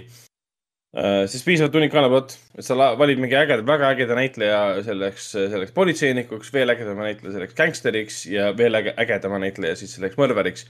Ja sul on see ideaalne kooslus, gängster, mõrvar ja politseinik. vot äh,, räägime teisest filmidest ka, vaatasime ära kahe tuhande üheteistkümnenda aasta ähm, Korea filmi Sunny, mis on siiamaani üks enim teeninud Korea filme ja saimegi teada siis ka põhjus äh,, miks. Sunny on siis nüüd olemas Korea Netflixis. Ähm, ja põhjus ongi väga lihtne, see on liigutav äh, draama lapsepõlvest ja, ja sellest, kuidas lapsepõlve unistused tihtipeale täis äh, teoks ei saa, ütleme nii siis. Ja seal on naised peaosas kõik, et võib-olla toona kaks tuhat üksteist, kui ta välja tuli, see oli ka, et terve põlvkond siis Korea mm, äh, naisfilmifänn läksid seda asja suure hurraaga vaatama ja tõesti ilus, kena film, väga kena näeb välja ja, ja kogu loo nagu point on siis selles, et äh, meil on üks äh, vaikne kodupere naine, kes leiab haiglast oma kunagise kooli äh, sõbranna. avastab, et tal on siis kopsuvähk ja talle pole enam palju jäänud. Ja siis see sõbranna käib talle välja plaani, et ajame taas kokku Sunny äh,. Sunny on siis äh, initsiaalides kokku pandud siis nende kunagine Kamp. seitsmest äh, liikmest koosnev kamp, kes neil siis kooli ajal oli ja siis tema filmi missioon, tema pea, peategelase siis missioon ongi nüüd, et need inimesed üles leida kõik, kellega nad tihtipeale pole suhelnud viimased kakskümmend viis, kolmkümmend aastat. Et ta kasutab selleks siin eradetektiivi ja nii edasi, mõned leiab palju lihtsamalt. Ja siis ühel hetkel film läheb väga-väga-väga andekalt, mulle nii vä- väga meeldis see kaamera liikumine, läheb minevikku, et me hakkame nende, nägema siis peategelase mineviku üleelamisi äh, kus ta tuli nagu väiksest Korea linnast Seuli õppima. Noh, tema aktsendi üle tehti nalja, kuidas ta leidis sinna grupi selle inimese, need inimesed, kellega enam pole küll suhelnud, aga vanasti olid nagu, nagu veresõbrannad, et maailma parimad sõbrannad, kes üldse kunagi olla said. ja, ja sellest see film tegelikult ongi, see ongi lapsepõlvesõbrannade taas äh, kokku saamisest äh, sellise traagilise sündmuse äh, najal ja tõesti ilus film, äge film, hea muusika, väga palju inglisekeelset muusikat on siin ja, ja, ja tõesti ajab võib-olla mõne, mõne pisara ka silma. vot, tahtsid midagi lisada, Hendrik? Äh, ainult nii palju, et äh, taaskord siin võetakse see kaheksakümnendate Lõuna-Korea poliitiline olukord, kaheksakümnendate lõppu, kui ma ei eksi, võetakse ette. ja seda, seda, seda tudengite äh, protestiaktsioone pannakse väga andekalt kokku ka äh, ütleme niimoodi, et kaheksakümnendate tüdru- koolitüdrukute gängide omavahelise arvete klaarimisega. et äh, siin on üllatavalt palju vägivalda äh, ja, ja, ja, ja tagumist filmi kohta, mis räägib äh, tüdrukutest ja, ja, ja koolitüdrukutest ja keskealistest naistest, kes püüavad oma sõpru, sõpru taas leida. et siin on Koreale omaselt on siis siin palju jalaga vastu rinde peksmist. nii et äh, seda, seda ei ole ühtegi, ei ole ühtegi Korea filmi, kus ei ole ootamatut jalaga vastu rinde peksmist. ja siis vaatasime, vaatasime Diva ja Hostage Missing Celebrity. Diva on saadaval siis, oli Rakutenis, kui ma ei eksi. ja Rakuten Viki kaudu saab vaadata. ja Hostage Missing Celebrity on ka siis saadaval täiesti Korea siis äh, Netflixis. ütleme niimoodi, et Diva on sihuke klassikaline psühholoogiline õudusfilm äh, ühest neiust, kes on siis olümpiatasemel, kuidas sa nimetad, vettehüppaja, sukelduja. Ja kelle siis sõbranna saab autoõnnetuses surma ja see sõbranna justkui hakkab teda siis kummitama et mis selle taga tegelikult on, seda ma nagu välja öelda ei taha. see kõik on kole, kole klassikaline, aga lihtsalt, et näitlejad on tere, toredad, ütleme, pöörded mõne, mõnes mõttes tulevad üllatusena, aga ta on hästi-hästi-hästi-hästi klassikaline selles mõttes. et ja ta ei ole nagu kummitusõdukas selles mõttes, et sa ei näe mingisugust vaimu kuskil nurga taga piilumas.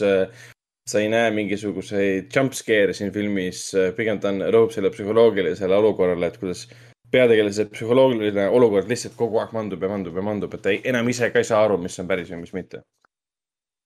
jah, et ta nagu noh, tehniliselt ja nagu sisuliselt oli küllaltki keskpärane, ei midagi üllatavat, aga mulle meeldis see, et võrreldes Hollywoodiga oli see diiva ähm, jälle, jälle väga teistsuguse lähenemisega, et siis, et ei keskenduta ootamatutele ehmatustele, kuigi seda siin oli paar korda Äh, vaid keskendutakse rohkem peategelase hästi ohtralt keskendutakse peategelase siseilmale ja kui see twist lõpuks tuleb, siis kõik on nagu niivõrd loogiline ja niivõrd lihtne ka.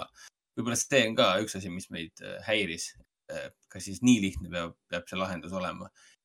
Kuigi samas oli ka realistlik, et ta just selline lahendus oli. et jah, et noh, seda filmi väga soovitada ei oskaks, et noh, samas ta Rakutenis on hästi odav ka, mingi üks üheksakümmend üheksa või mis iganes et noh, võileiva hinnaga saab kätte mm. -hmm. aga ah, see viimane film, mis me vaatasime, oli siis jah, see Hostage uh, Missing Celebrity uh,. ja selle filmi peategelaseks on siis uh, Hwang Jung, Jung-min, kes on samuti lisaks uh, Dong Mosokile üks tuntumaid Korea näitlejaid uh,, kelle viimase, viimase, viimaste aastate filmidest on kindlasti kõige armastatumad uh, Äh, see, mis see oli, Battleship Island oli üks, äh, siis oli see New World ja äh,, ja seesama film, mis Raiko ka näinud on, see Wailing, ta mängis seda sõgedat preestrit yeah,. Yeah. no mis ta oli, mingi voodoo preester või mis ta seal oli? Ja muidugi see Ode to my father sellest Lõuna- ja Põhja-Korea omavahelisest konfliktist, mis oli korralik nutukas ja selle filmiga see pull asi, et äh, Hwang Jung-min äh, mängibki siin filmis iseennast. Hwang Jung-minni, kes ühel heal päeval äh, töölt koju tulles nii-öelda röövitakse kamba enda arvates professionaalsete inimröövijate poolt, kelle eesmärk on siis tema pangakontot tühjendada tema abil ja see on nagu veider vaadata, kuidas äh, Korea üks tuntumaid näitlejaid mängib iseennast, siin räägitakse tema enda filmidest ja, ja asi läheb väga kiiresti muidugi käest ära. et äh, ta on väga kohati üsnagi ebaühtlane või isegi tasakaalutu film. aga mis puudutab nagu action'it ja äh, meie, meie pantvangistajaid ja pantvangi ennast, siis selle koha pealt on esimene pool filmist on väga pingeline väga, väga jõhker isegi, väga vägivaldne. ma ei saa aru, mis korealastel sellega on, et nende, nende, nende aasta vaadatumad filmid on jõhkrad vägivallafilmid tegelikult. Mis siis, et see sisuliselt kõlab nagu äh, midagi leebet ja toredat, aga see tegelikult, kui esimesel võimalusel tapetakse keegi ära või lihtsalt pekstakse nagu selles, äh, issand jumal, selles Gangster Cop and the Devilis Dong Mosoki gängster andis äh, lahtise ah, jääga nii kaua ühele tüübile söögilauas kõrvakiilu, kuniks ta silmadest ja ninast ja suust voolas ohtralt verd ja ta pea langes lihtsalt oma sinna nuudlikaussi. ja teised mingi, jätkake palun söömist. et nagu ootamatud jõhkrad, ootamatud jõhkrad vägivallapursked on Korea filmides ikka miskipärast väga suur teema jätkuvalt. aga see Hostage, ta teine pool läks ikka väga lappama, sest äh, meile siin tutvustatakse jõhkraid, äh, vägivaldseid, professionaalseid äh, pantvangistajaid, aga nad nagu kaotavad pea hästi kiiresti ja pealtnäha nagu ilma igasuguse otsese põhjuseta. ainult selleks, et näidata, et nad on väga siuksed düsfunktsionaalsed äh, neli-viis äh, pantvangistajat. et neil on jõhker nii-öelda enda arvates geniaalne peatüüp ja ülejäänud on sellised äh, alamad. et see väga, väga häiris, et lihtsalt sa tahaksid ikkagi põhjust-tagajärg seoseid, miks nii-öelda pantvangistajate perekond ennast, ennast, iseennast nagu lõhki rebib, aga siin seda väga ei antud, neid põhjuseid, olid lihtsalt tagajärjed.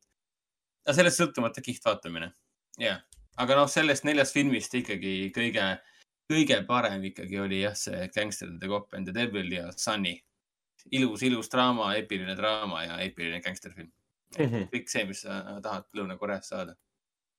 See oli pilt, liigume edasi, mida saab näha siis äh, Foorum Cinemas äh, kinodes alates üheteistkümnendast veebruarist?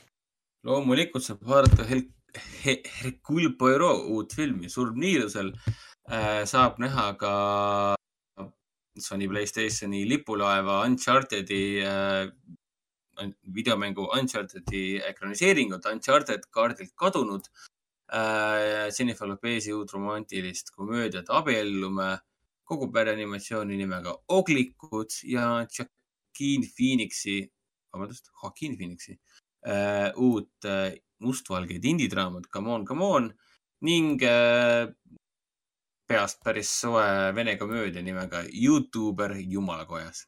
kes ei usu, et see on peast soe pöörane komöödia, siis vaadake treilerit ja peab äh, vaatama minema. Artis samamoodi alustas Mike Millsi Come on, come on, Surm niilusel, tore äh, uus animatsioon Oglikud ja siis ka äh, jällegi see Arnaud Disciplini äh, film Pettus äh, Leas Seido ka äh,. pikemalt äh, räägiksime siis Unchartedist ja, ja Surm niilusel mm. -hmm. Ähm, tee meile kiiresti ülevaade Surm niilusel filmist, et kas ta on nüüd äh, sama hea äh, või veel parem kui Kennet Branagha eelmine film ähm, Mõrv Ida Ekspressis ja kas äh, Surm niilusel puhul saabki öelda, et see on Armi Hammeri viimane film?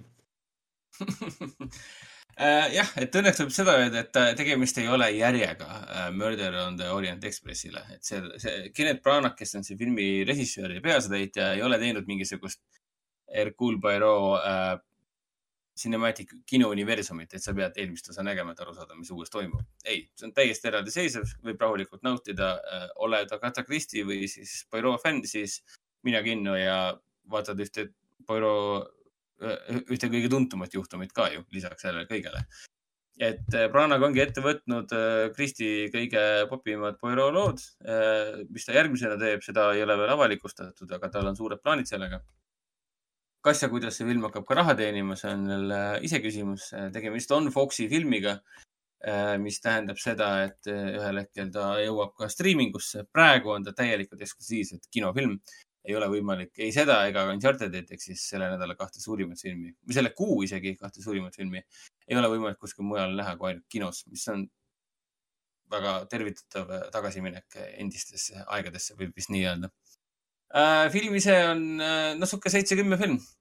mulle see eelmine film äh, Murder on the Orient Express meeldis äh, märgatavalt rohkem äh, peamiselt vist seetõttu, et äh, kõik oli veel kuidagi nii värske ja uus.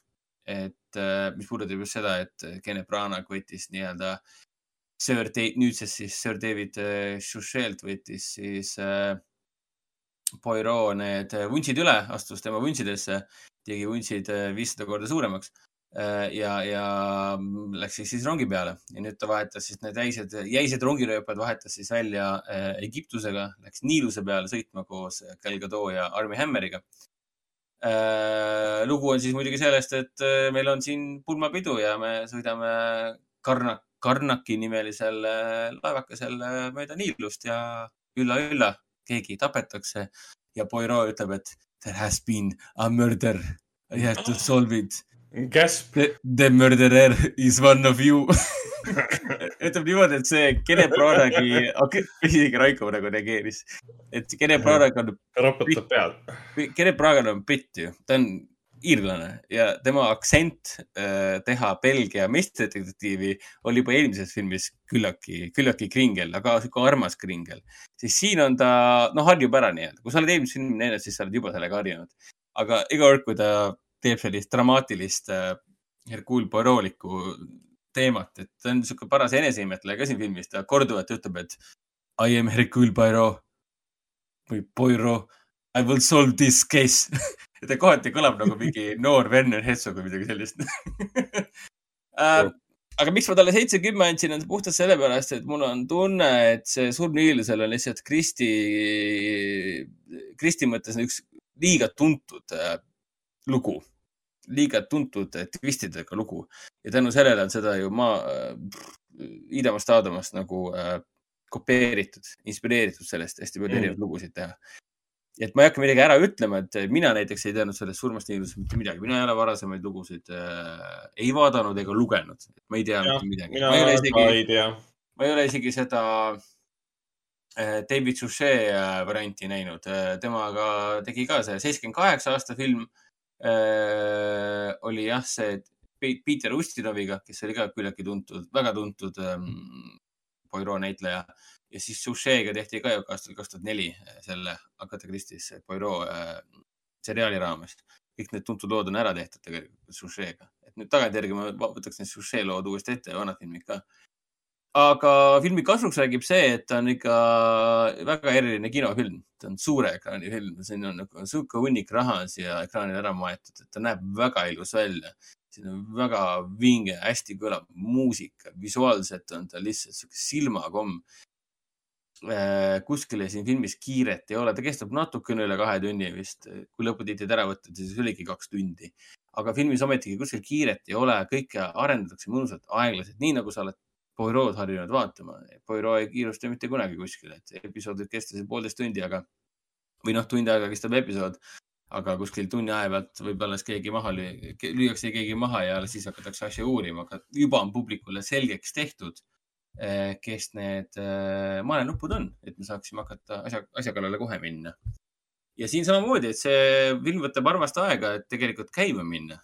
Aga see armas aeg on äh, oluline, et me oleksime kohe asjas sees, kui asi läheb nagu ütleme niimoodi, et mõrvamiseks või action'iks nii-öelda. ja ütleme niimoodi, et seesamune kill count või siis äh, laipade kuhi on siin äh, nii palju võib vist ikka spoilerdada, et äh, noh, üllatav, võib vist nii öelda. on siis, on siis null tapetud või üks tapetud või viisteist, seda me ei tea, aga seda peab vaatama kinoekraanil, et seda teada saada.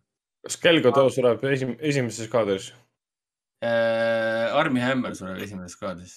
aa, nice suu. lahti ja kohe sureb ära. kusjuures Armi Hammer on siin filmis väga, väga äge näitleja.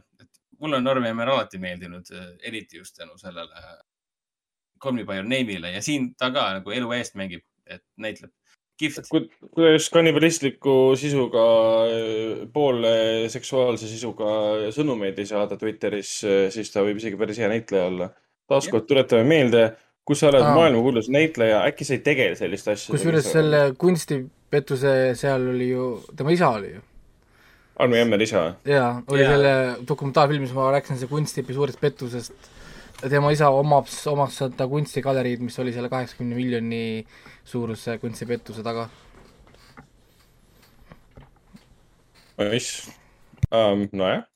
ja Mm. selle, selle, selle surmaniiluse üks äh, kolmas suurim staar tegelikult siis Gal Gadot ja, või noh, neljas, Gal Gadot ja Kene Branaghi ja Armi Hammeri kõrval on tegelikult ju see näiteks siis seriaali Sex Educationi staar Emma McKay. mina sa ei ole, mina ei ole Sex Educationit kordagi vaadanud, aga nägu on, kuna see on popsari, siis nägu on isegi mulle tuntud. Äh, ja ta teeb väga kihvti rolli siin, et äh, Kennet Branagh mõistab väga, kuidas äh, nii-öelda publiku pilku, ütleme niimoodi, naelutada ekraanile äh,.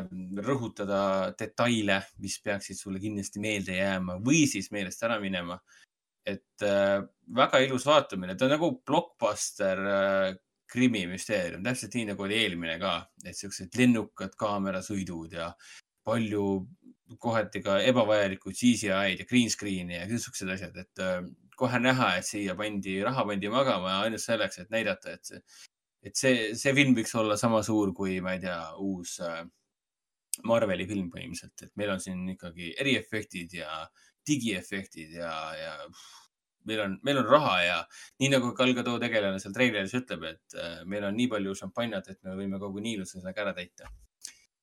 No selge. Uh,, liigume edasi, räägime Uncharted'i filmist, Uncharted um, seiklus uh,, issand jumal, Uncharted kaardilt kadunud uh, on siis lõpuks uh, kinodes. Järjekordne videomängul põhinev mängufilm uh, peaosades um, Tom Holland uh, Mark Wahlberg, film põhineb siis uh, Naughty Dogi, Sony ja Naughty Dogi Uncharted'i mänguseerial, kus praeguseks on neli põhiseeria mängu ja üks äh, spin-off. hiljuti tuli välja ka Legacy of Thieves äh, ma neid, Remastered Edition Playstation viiele, varsti tuleb see ka arvutile. neid spin-off'e on tegelikult veel ja veel, aga no jah, hakkasin li mingit, lihtsam, lihtsam on rääkida neljast põhimängust, sest neid lisavariante on palju. jah, ja film on ju olnud töös juba aastates siin kaks tuhat kaheksa, siin on olnud väga palju erinevaid režissööre, küll pidi lavastama David O. Russell, Neil Berger, Seth Gordon, Sean Lewis, Dan Trachtenberg ja Travis Knight, kuni lõpuks siis Ruben Fleischer, keda me, meie teame enamjaolt siis ikkagi Zombielandi kahe, kahe Zombielandi režissöörina ja kes tegi ka siis ähm, äh, esimese Venomi filmi ähm, ja, ja peaks ütlema ausalt välja, et sellel filmil ei olnud mitte mingisugust õigustust olla niivõrd hea um,. videomängude põhjal tehtud filmide see baar on nii madal või see tase on niivõrd madal, et kui ma ütlen, et see on üks parimaid neist, siis see tegelikult ei tähenda otseselt midagi um,. sest uh, võrrelda saab ainult uh, minu silmis vähemalt Mortal Combati esimese ja siis selle viimasega võib-olla ja siis äh, Silent Hilli filmiga, ega muuga väga võrdlust ei no no,, ei, ei kannata. Pikachu film on ka tegelikult ikkagi videomängu põhjal tehtud ja see oli väga hea. okei okay,, nojah, ja täpselt nii. ja Sonic ja nii edasi, et noh, aga, aga Tom Holland on siis Nathan Drake ja, ja siis ähm, Mark no. Wahlberg on siis Sully ähm,. siin peab nii palju ütlema, et Tom Holland on ka nüüd Fortnite'is ka. Ja Tom Holland on Fortnite'is ja, ja Uncharted'i täiesti tegelased äh, on ka Aa. Fortnite'is, et, et kui siin pole Fortnite'is, siis siin pole olemas. aga igatahes see film on hea. see Fortnite. film on väga aga hea, Fortnite ei ole ka ju päris koht. ei ole hea. aga räägime Uncharted'ist, see on tõesti hea film. see on äh, väga. tempokas, mõnus. minu suurim hirm oli see, et esiteks Tom Holland mulle tundus, et noore Nathan Drake'il on väga okei okay valik, aga Mark Wahlberg tundus alati mulle, issand jumal, miks ta ei ole ju Sully, ta ei ole ju see Sully Sullenberger. issand, kas ma ütlesin Sullenberger praegu? Või? Sully Sullenberger ei ole mitte jah, see, Sully Sullivan, Sully, Sully on see teine Sully, kes selle lennukiga alla tuli. Jah, jah, aga nüüd äh, filmi näinuna, siis ta sobib sinna, sest äh, tuletab ikkagi meelde, Uncharted'i film on eellugu. ehk siis ta on lugu sellest, kuidas Sully ja, ja Nathan esimest korda üldse nagu kokku puutusid omavahel. seda on varem äh, lahatud siis äh, Uncharted kolme äh, proloogis, aga yeah. sellest ei ole tehtud ühte teistpikka mängu igas mängus on natuke seda asja lahatud ja avatud. Ehk siis see film ongi tehtud nagu eraldiseisva filmina, et me teeme eelloo, kuidas need karakterid kohtusid. samal ajal nad on väga loogiliselt ja mõistusepäraselt võtnud eeskuju Uncharted neljast, viimane kõige populaarsem Uncharted mäng ja võtnud sealt elemente, võtnud sealt siis action spektaakleid, set piece momente, võtnud sealt terveid story elemente, alates sellest, et siin selles filmis, uues filmis on siis teemaks piraadivaranduse leidmine, Uncharted neljas oli ka teemaks piraadivaranduse leidmine. Ka siin me näeme, kuidas noor, noor Nathan Drake elas siis lastekodus või sellises nunnade poolt peetavas lastekodus. Uncharted neljas me saime ka seda teada ja seal ringi joosta. ja siin ongi Kas väga jõ- jõhkralt on kogu, kogu baas on põhimõtteliselt neljanda mängu põhi, kogu, kogu filmi põhi on neljas mäng ja siis kolmandast osast proloogist on võetud neid elemente juurde. jah, ja mina jäin keset filmi ka, mul sõber küsis või kommenteeris ka kuidagi, et issand jumal, see on ju hea film. mul oli, mul oli ka, ja on tõesti hea film, sest äh, see on nii hea, et sa, sa ootad halvimat ja siis keset filmi mingi. kuule, see on ju fine. see ei olegi pask. see, see, kuule, oleneb võitu, las me naudime filmi. et miks ta pask ei ole, see on nii kummaline ja, ja Ruben Fleischer on hea reisijal tegelikult, kui ta saab teha, olla nagu loominguline ja siin on seda loomingulist vabadust ikka päris palju.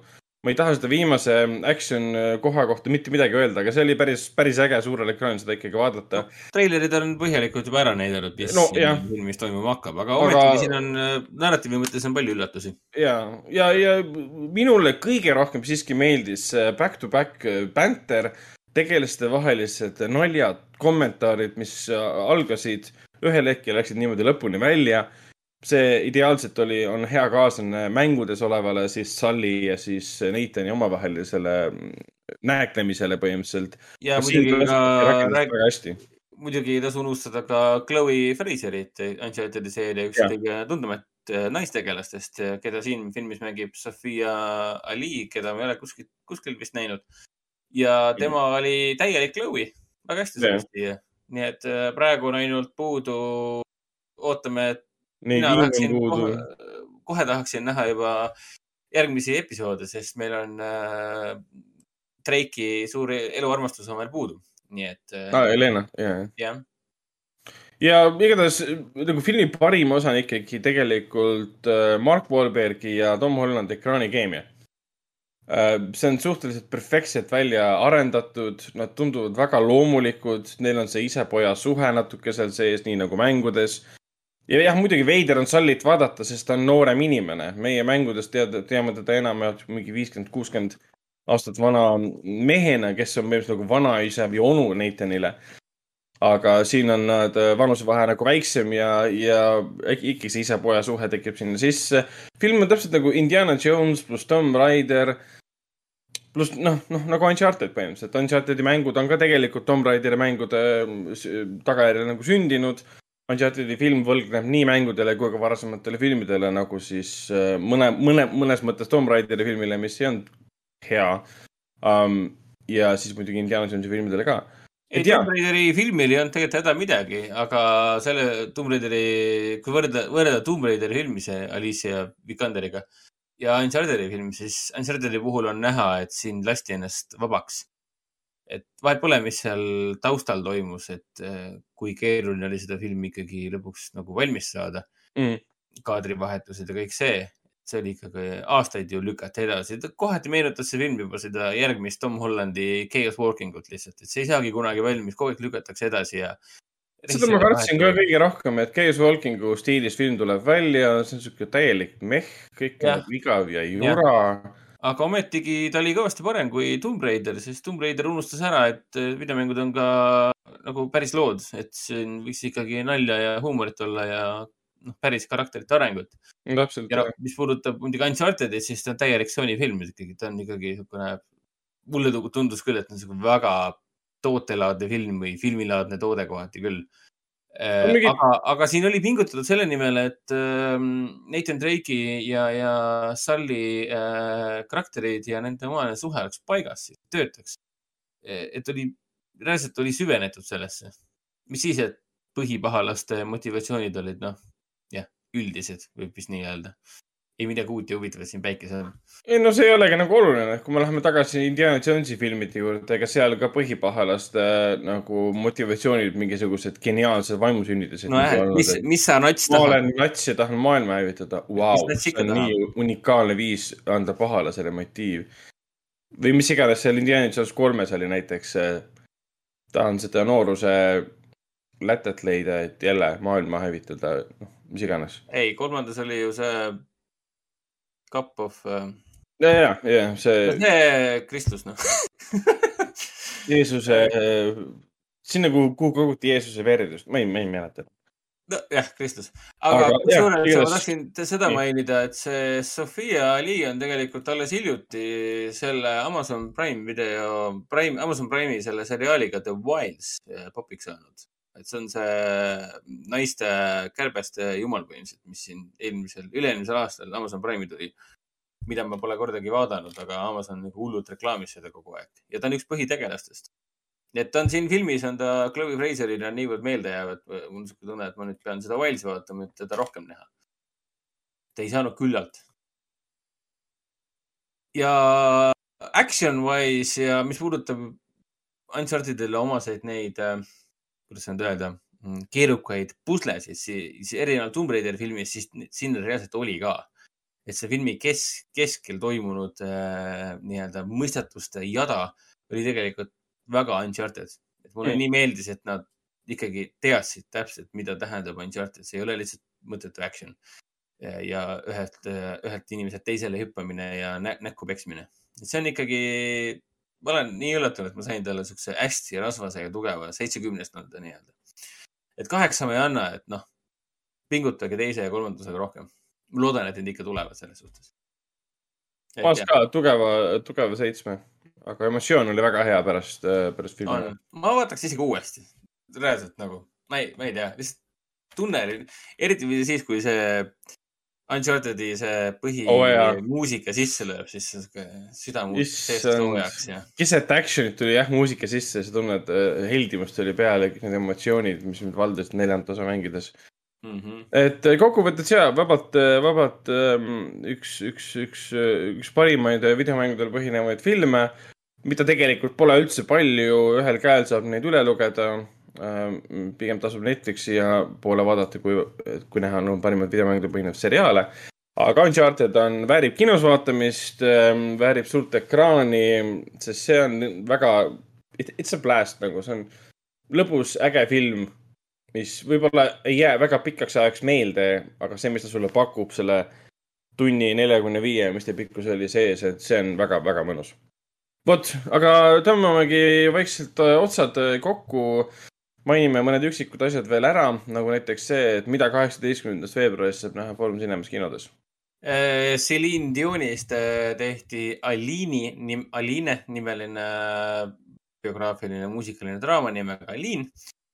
siis Oskar Lutsu jutustusel põhinev Soo jõuab lõpuks kinoekraanidele pärast mitmekord, mitmeid ja mitmeid edasilükkamisi ja kuulsa Eesti kultuuri, kultuuritegelase Vaino Vahingust tehti dokumentaalfilm, mille lavastajaks on Rainer Sarnet. filmi nimi on Vaino Vahingu päevaraamat. kinoklassika veebruaris Silence of the Lambs, märtsis Basic Instinct, Viljandi kogukonnakinos igal esmaspäeval ja kolmapäeval saab vaadata kvaliteetseid filme, kontrollige järgi meie kodulehelt eriürituste alt. kinoeksklusiiv, järgmine suur üritus on juba kuueteistkümnendal veebruaril filmiga Soo, filmikuru.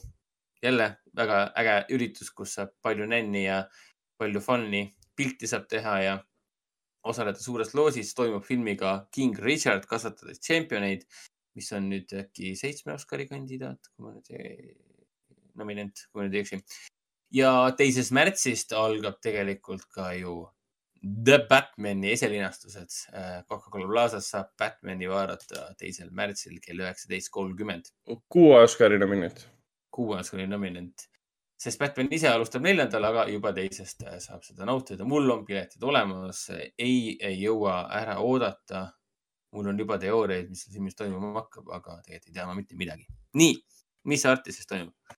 Artis samamoodi saab näha Vaino Vahingu päevaraamatut, Aliini ja Sood. lisaks nendele filmidele tuleb meil ka Sebastian Meise suur vabatus, vabadus, mis siis linastus Cannes'is, tähendab Pö- PÖFFil. ma ei tea, kas te käisite vaatamas PÖFFil Suurt Vabadust?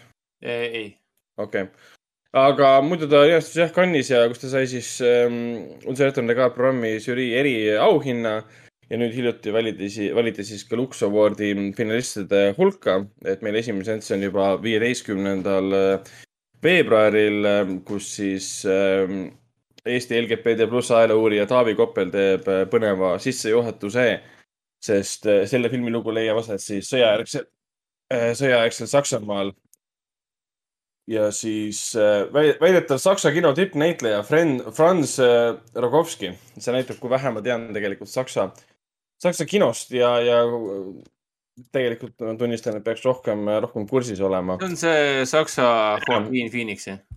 põhimõtteliselt võib ju niimoodi öelda jah, aga ta on äh, selles mõttes äge näitleja, et ta oli selles äh, Hidden Life'is äh, üheks, ühes väiksemas rollis ja, ja Undinis, mis oli ka, mis oli eelmisel Jah. aastal meil kinos.